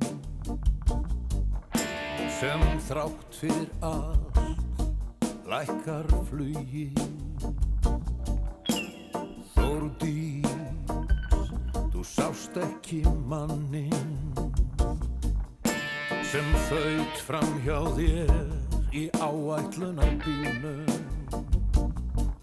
Hvers vegna hleypur því grasinu berfætt og lætur lífið líða hjá. Feita stúlka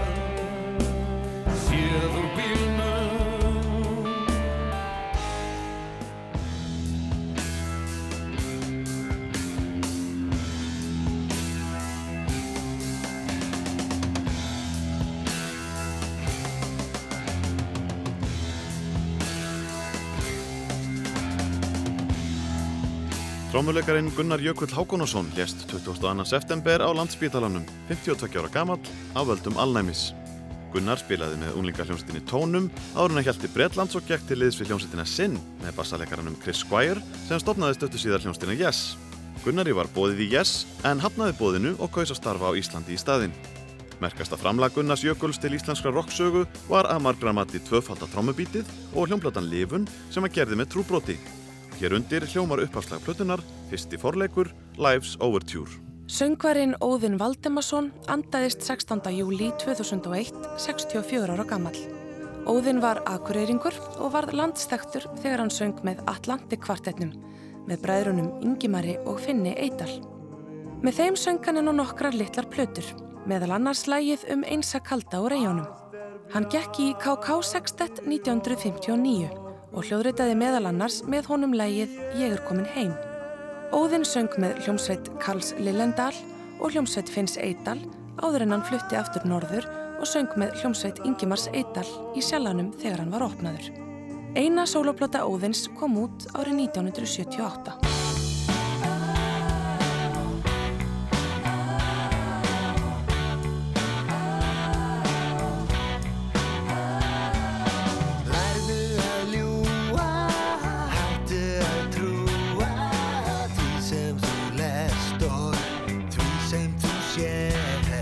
Nýdönsk sendi frá sig sína sjöndu hljóðursplötu, Pólfarir, undir lok ásins. Plötuna unnuður að mestu leiti á Möldu um sumarið og gáðir plötuna út sjálfur á útgáðamerki sínu Skými. Markmiðið var að búa til popplötu þar sem lögin mátt ekki vera allt og löng og það eitt að heyrast að þetta veri hljómsveitaplata. Það tókst og lagið Lærðu að ljúa fekk fína spilum. Sem að þér er sagt. Ef þú trúir því að þú vitir allt en þá veist ekki neitt. Ef þú trúir því sé heitt, sé kallt Ef þú trúir því sem að þér er sagt.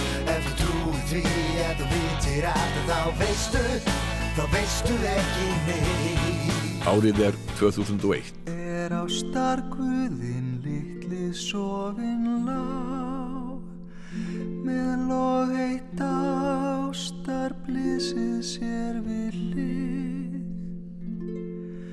Þar vatna dísir vænar fóru hjá sem virtu reyna lífsins gríska sig Páll Óskar varð fyrir fjárhagslegum skakkaföllum þegar platan Deep Inside seldist ekki nógu vel árið 1999. Hann söng talsvert með miljónamæringunum eftir það en fyrir jólinn 2001 kom hann aðdándum sínum rækilega óvart með henni lástemdu plötu ef ég sopna ekki nótt. Þar söng hann bandaríska standarda í bland við nýlög eftir tónskáldið Reyðaringa Þorstensson við undurleik hörpuleikarans Móniku Abendróð og strengjasveitar. Karl Olger Olgersson leik á gítar og harmoniku. Það vildi svo til að vinu minn Hreyðar Ingi Þorstensson var að fara að halda upp á ammæli sitt og Hreyðar Ingi er tónskáld og við þarna, vinir hans, ætlum að halda ammælisveislu handónum, tónleika þar sem við myndum flytja lögin hans. Það vildi svo til. Sistir hans átti vinkonu sem er dóttir Mónugu Abendrótt og Hreyðar Ingi vildi hafa hörpu í einhverjum lögum þarna á þessum tónleikum. Ég og Mónika prófuðum að flytja eitt lag eftir Hreyðar saman og það gerðist bara eitthvað og við horfum á hvort annað og sögum bara, veistu, það væri mikil synd ef við förum ekki inn í stúdjó og tökum upp þessu lög. Og ef ég sátt ekki nóttplatan kemur svo út árið 2001. Mér minnir að hann hafi selst í hvað 1500 eintökum fyrir jólin en gleðifréttnar voru þær, hún náði kostnaði. Þetta var ekki flopp og við Mónika spiluðum mjög, mjög mikið í kjölfarið. Páll Óskar og Mónika hafa unnið mikið saman upp frá þessu og hún reyndist honum mikil stóð og stitta í fjárhagserfileikunum og hefur hjálpað honum við rekstur á plötufyrirtækinu Pop EHF sem hefur gefið út plötur Páls Óskars undarfærin ár.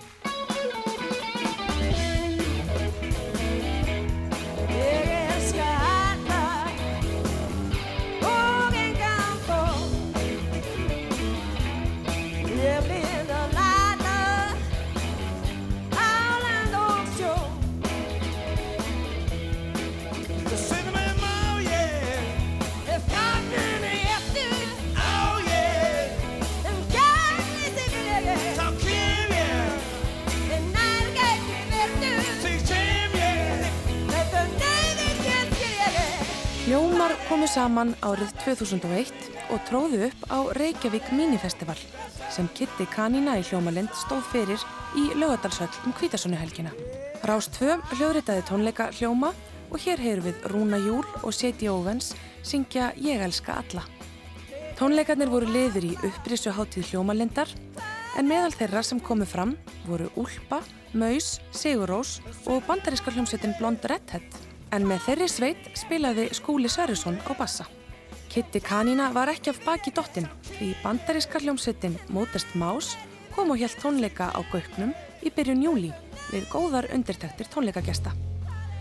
Um veturinn hófst svo vetrardagskrá hljómalendar sem samanstóð af fjölmörgum tónleikum. Sænska proggsveitin Par Lind Project tróð meðal annars upp í mentaskólum við Hamrallíð. Bandaríska tríóið Low spilaði á NASA og Trans Am og Fucking Champs voru með rocktónleika á Gauknum. Þá kom bandaríski tónlistamæðurinn Will Oldham öðru sinni til landsins og hjælt tvenna tónleika á Gauknum í novembermánuði undir listamannsnafninu Bonnie Prince Billy. Demetrio Muñiz y la orquesta Buena, Vista Social Club. Hey, hey, hey. Kúbanska hljómsveitin Buena Vista Social Club kom til landsins vorið 2001. Öldungarnir frá Kúbu höfðu farið sigur fórum heiminn með aðstóð bandaríska tónlistamannsins og pródúsentsins Ræ Kúter undir lok 20. aldar og þíski kvipmyndagerðamadurinn Wim Wenders gerði heimildamind um hljómsveitina sem jók enn á hróður Buena Vista Social Club. Fyrirhugaðir voru einir tónleikar í lögadarsöll en eftirspurnin var svo mikil að settir voru upp auka tónleikar á sama stað. Sveitin var í banastuði og íslenskir tónleikagestir áttu í mestu erfileikum með að sitja kyrrir fyrir í sætum sínum. Rástfö hljóðritaði tónleikana og hér heyrðu brot úr lokalæginu, Candela, þar sem hinn 74 ára gamli Ibrahim Ferrer var fórsöngvari. Hann lést fjórum árum síðar.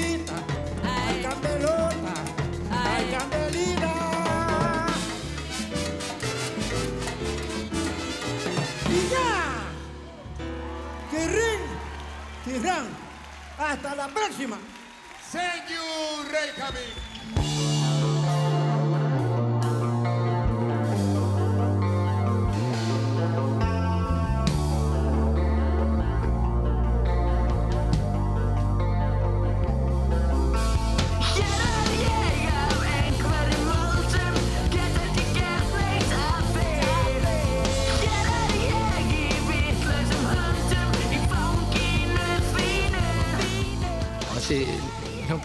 Úr 2001 Fyrsta hljómplata Sign Hvað eru þið þá gamlir? Ég er 14 ára hana.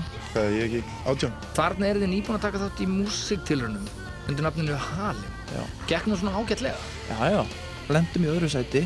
Næst best. Sem ég held bara að það verið mjög gott, sko. Já. Það hefði ekkert verið endilega betra fyrir okkur að lendi fyrsta. Nei. Það eru meiri kröfur gerða til þeirra sem lendi fyrsta. Það verður meira hæp. Sígandi lukka er best Það hefur svolítið fyllt okkur líka að vera alltaf svona, vera ekki alveg í fyrsta sæti. Við hefum a- alltaf verið svona aðeins meira að koma inn um bakdyrna, sko. Ragnar Solberg og Egil Rapsson sögðu frá músiktilrinum 2001 í þættinum Geimt en ekki gleymt á Rás 2. En hljómsveit þeirra bræðra Halim endaði í öðru sæti á eftir hardkjarnasveitinni Andlát úr Reykjavík sem sigraði öruglega. Bræðrabandið sendi frá sér plötuna Vindar og breytingar undir lok ásins hjá útgáfufyrirtæki Raps Jónssonar, föður þeirra, en þá höfðu þeir breytt nafni hljómsveitarinnar í SIG. Ragnar samti öll lögin og fekk aðstóð frá gítarleikarunum Herði Stefánsinni við að klára helming lagana. Í byrju 2000 og strax ára 2001 kom plata sem heitir uh, Vindar og breytingar Er þetta ekki einhverju félagar í Hafnarfyrði sem eru með ykkur allan til að byrja með? Jú, jú. Allt hafðingar. Þannig er þú Egil Örn á trómur, Ragnar, þú sérðum söng, gítar, hljómborð og, og forritun og Hörður Stefánsson á gítar og Sigurð Ágúst á bassa og Baldvin Freyr og gítar. Þetta er fimmanna hljómsveit. Já, ég var sett, fermingagjöf upptökutæki áttarhása og var bara í því að semja músík og taka upp. Þannig að þegar sko Sigg byrjar eða Halim, þá átti ég alveg fullt af efni sem er eiginlega ástæðan fyrir að allt þetta er samið af mér sko fyrsta platan. Þetta voru lög sem ég kom að semja bara. Það voru bara tilbúin lög Já. og með þess að búið að svona gera demo þegar fyrsta hljómsveitæfingin er haldin. Já. En hvernig viðtökur fekk þessi fyrsta hljómplata sveitarna? Hún fekk frábæra viðtökur. Hún gerði það, já. Seldist vel. Og hún hitti beint í mark hjá unglingunum á síðan tíma, sko. Við fengum aldrei neina viðurkenningu hjá eldra liðinu, sko. Nei. En. En alveg yngri kynsluðin alveg var með okkur í liði, sko. Allt sem þú segir, það hefur áhrif á mig Hvert sem þú fara, þá skal ég fljúa með þig Allt sem þú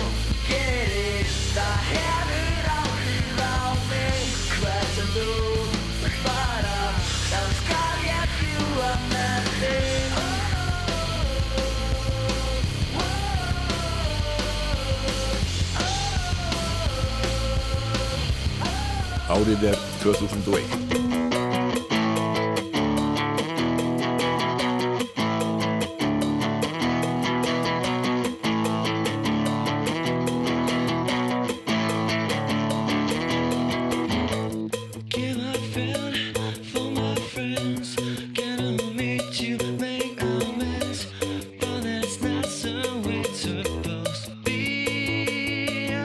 2000 vann Jarl Þórðarsson hljómbásleikari Lands og Svona í stúdíó Sýrlandi þar sem Svala Björgunsdóttir var við upptökur á plötu sinni fyrir erlendan markað á samt upptökustjóranum Jive Jones. og einhverju hluta vegna, ég veit ekki alveg nákvæmlega hvernig þetta gerist, þá finn ég alveg eitthvað að segja hann um að við sem í bandi.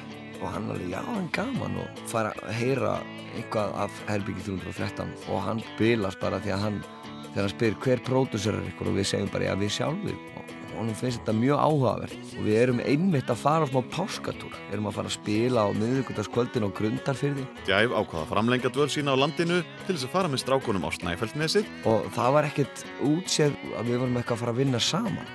Og hann smallið svo flýr fyrir rass inn í hennan félagskap. Nema hvað að við erum að spjalla, ég og hann. Sem að enda með því að við förum bara inn í herbyggi með sekkur gítarinn. Bara, herru, við ekki prófa að semja lag saman? Jú, prófum það. Herru, svo komum við bara fram. Herru, hvernig líst ykkur á þessi lög bara með eiginlega bara full mótu lög, tvö.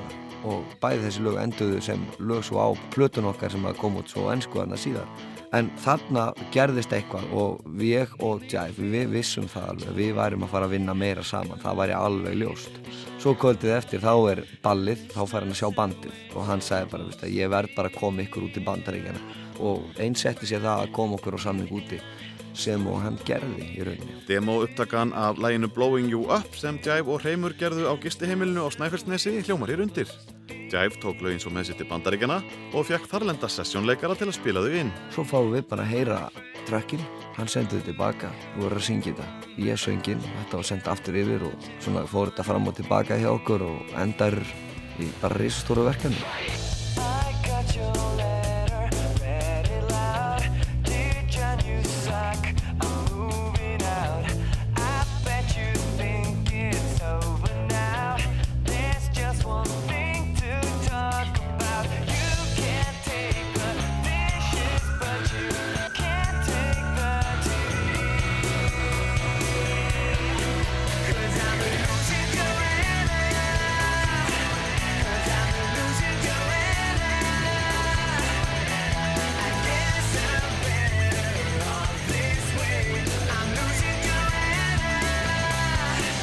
Tónlist hljómsveitarinnar var smá saman rockaðri við þetta samstarf og liðsmenn lands og svona voru ófeimnir við að viðurkenna að þeir horfðu til bandarís háskólarocks í ætt við Green Day, Blink 182 og Weezer. Í fyrstu stóð til að hljómsveitin tæki upp nafnið Shooting Blanks en útgáðufyrirtæki hafnaði því og hljómsveitarnafnið Streamer var fyrir valinu. Þeir bjöggu til kynningareindag með þremur lögum sem þeir notuðu til að kynna ytra. Og svo fer af stað einhver svo ótrúlegasti rússibanni sem ég nokkuð tíman lendi í vegna þess að Joanna Ifra nokkur sem að hérna sæna Rikki Martin á sínu tíma var aðskaplega stórt nafn í útgáfu bransanum úti. Hún og Jive eru vinnir og hann leifir henni að heyra þetta. Á þessum tíma var umrætt Joanna að vinna hjá Sony Music og fekk strákana til að búa til kynningarmyndband sem þið sendu út. Í framhaldi að því fór Reymur út til viðræna við áhugaðsum útgáfufyrirtæki með lögin þrjú meðferðis. Þetta gerist bara 1, 2 og 3 í raun og ég bara vissi valla hvað hann við stóð veðrið, ég var bara komin í svona hálfgeft bidding war hjá útgáfurísum en þetta endar þannig að hún fer yfir til London Sire sem að er gamalt útgáfufyrirtæki og var í eigu Warner Brothers á þessum tíma. Og henni langaði að, að hrista hans upp í hlutunum og það fyrsta sem hún gerði það var að sæna Íslands band.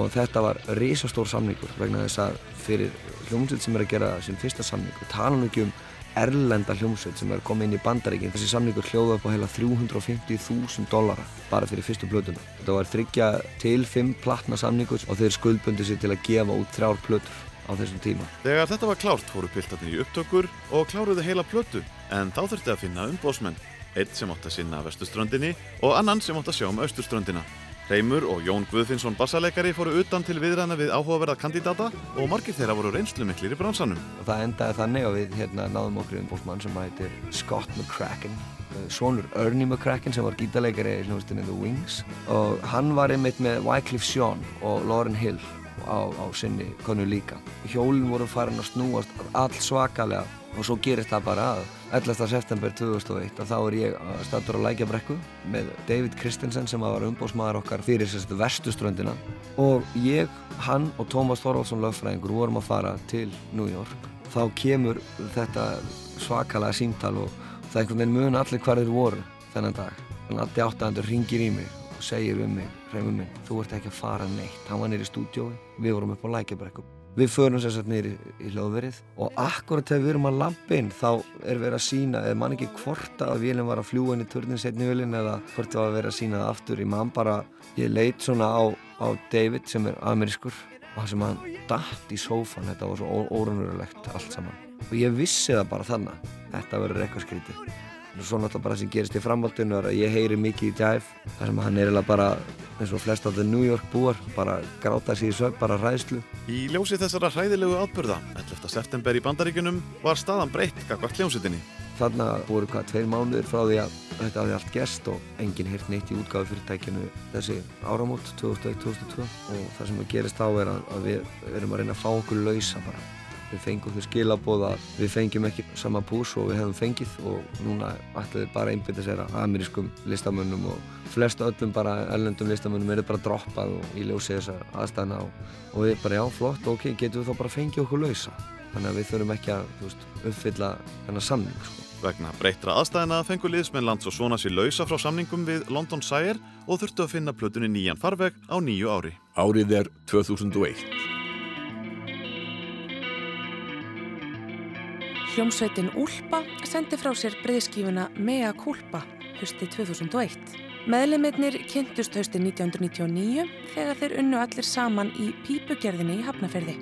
Þeir komu víða við næstu mánuði og ár og hituðu meðal annars upp á tónleikum Blond Redhead. Leifur Sveinsson, söngvari, gítar- og básunuleikari, var í stafni og fyrra árinu gerðu piltarnir stuttskífuna Dinstl. Spiluðu á Iceland Airwaves og fóru í hljómleikaferð um bandaríkin með ensími. Við heimkomuna hjælt Úlpa útgáfu tónleika á NASA 22. november. Hildar hljómur plötunar þótti drungalegur en lögin sóttu á eftir nokkra hlustanir og lagið Dinstl sló í gegn hjá rokkurum landsins.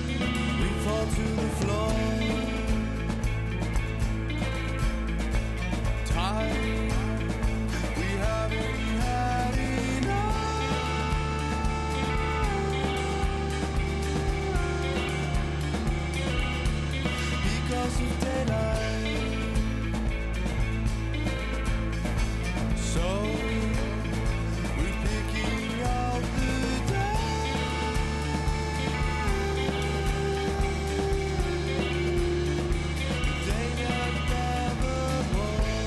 Árið er 2001.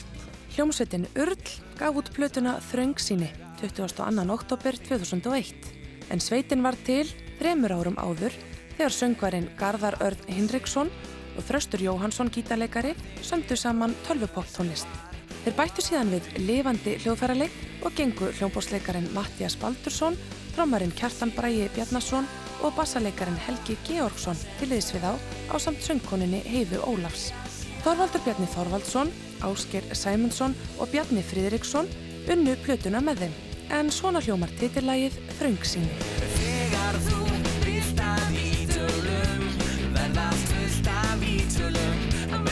Meðan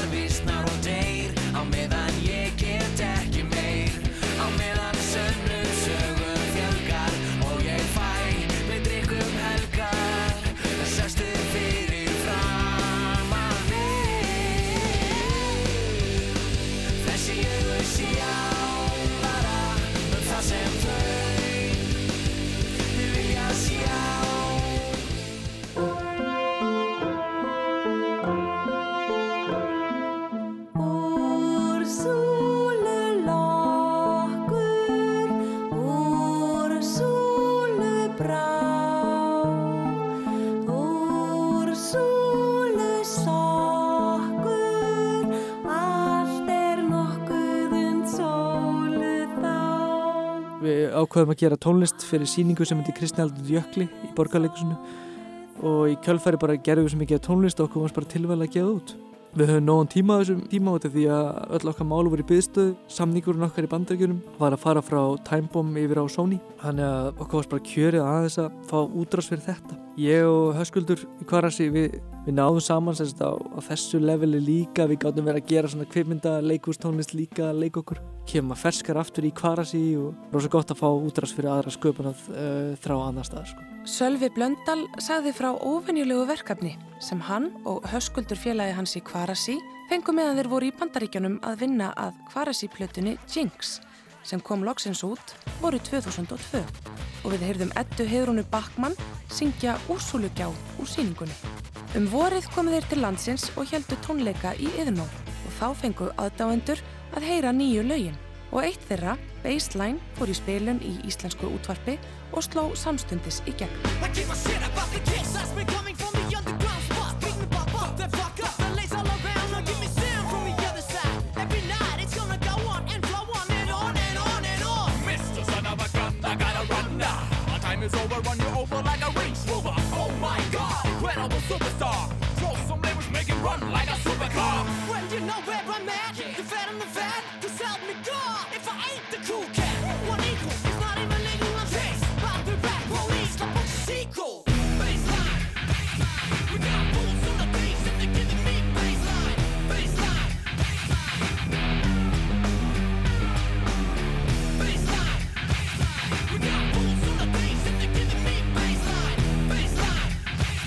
baseline var bara svona einhvern veginn svona rock'n'roll pæling því ég var með sko því að ég er svo lúmst gaman að þessu late 70s glam rocki hérna T-Rex og, og Jeff Lynne og þessu lið ykkur mér langaði til þess að einhvern veginn að blanda því saman með eitthvað svona hvað er þessi rock'n'roll sko. Og þannig kemur svolítið þessi bassalína sko hana, sem gengur getum all lagi Þannig ég gerði hana bara í skúrnum vestur í bæ sko og tók hana með mér til Ameríku.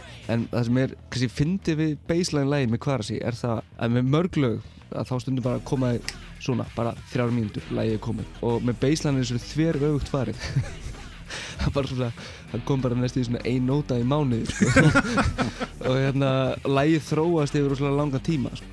Síðan kemur svona sungin kapli hérna í þriðja versi og hann verður til í, í New York sko en þetta er svona áhrif allstaðar að sko við, og síðan verður viðlagi þetta, þetta þunga viðlag sko Já. það verður til í stúdíói með Cypress Hill Já. og við byrjum að vinna með þeim og við byrjum svolítið að hanga sko og þú veist, ég var bara í MR og, og var bara eitthvað svona, þú veist, hanga á einhverjum kaffúsum í miðbænum og, og allt í henni bara, er ég bara komin einhver staðar inn í eitthvað stúdíó sem, þú veist, allir eru vopnaðir og undir áhrifum og, og þú veist, að tala einhverja spænsku og geða þetta reyðir og, og ég bara horfði í augun og hössa og hössi hössi horfði í augun á mér sem, hvað er í anskotunum mér lendur eiginlega? Ég sá alveg og honum fannst þetta ógurlegt. Við vorum svolítið eitthvað svona að reyna að spila okkur cool. Og ég var að byrja að segja rosa mikið svona I know, svona you know what I'm saying og eitthvað svona því að við vorum bara góði gauðir líka og þetta var svona, þegar svona rann að þeim skilur þá, þá, þá kom á daginn að, að rapparinn í Cypress var nú bara áhuga ljósmyndari hafði gaman að taka myndir af svona litlu börnum og blómum Sölvi Blöndal sagði söguna á bakvið lagið Baseline í þættinum Pálsinni og Littla á Rástvö. Það vakti mikla aðtikli þegar spurðist út í byrjun sumars að Symfóníuhljómsveit Íslands, Bottlefja og Kvarasi ætluðu að ruggla saman reykjum.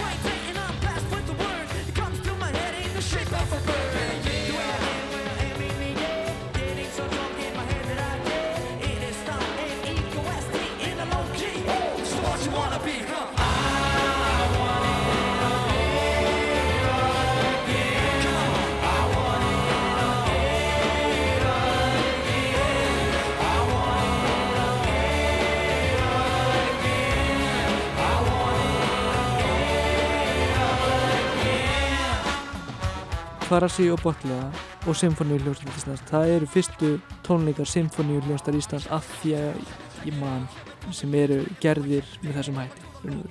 Við alltaf vorum mikið í útarpinu og vinsalinn hljónstir og þannig að einhver hjá Symfóníuljónstinni fengið þá hugmynd að poppa þessu upp dagskarana hjá sér.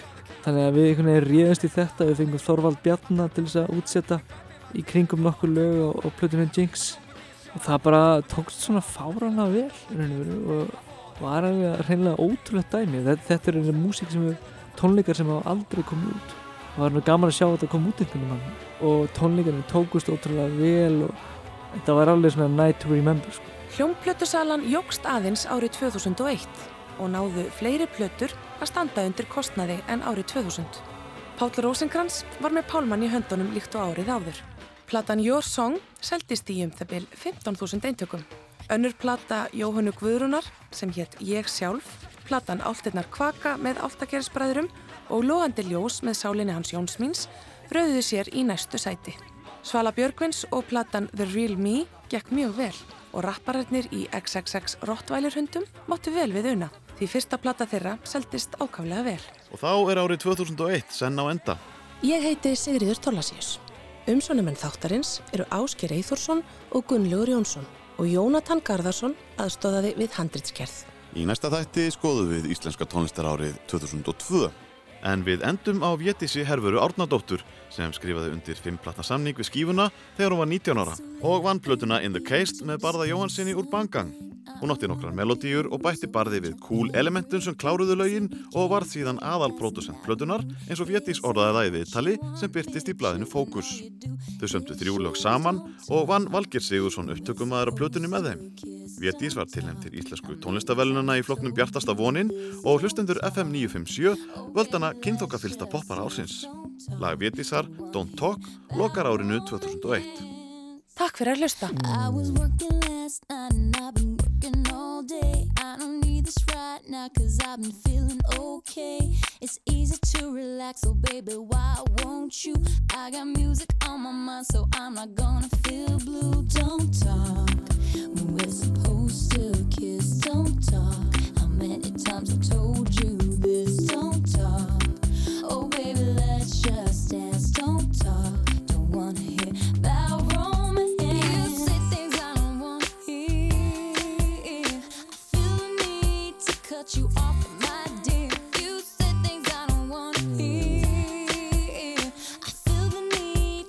you off, my dear. I feel like dancing all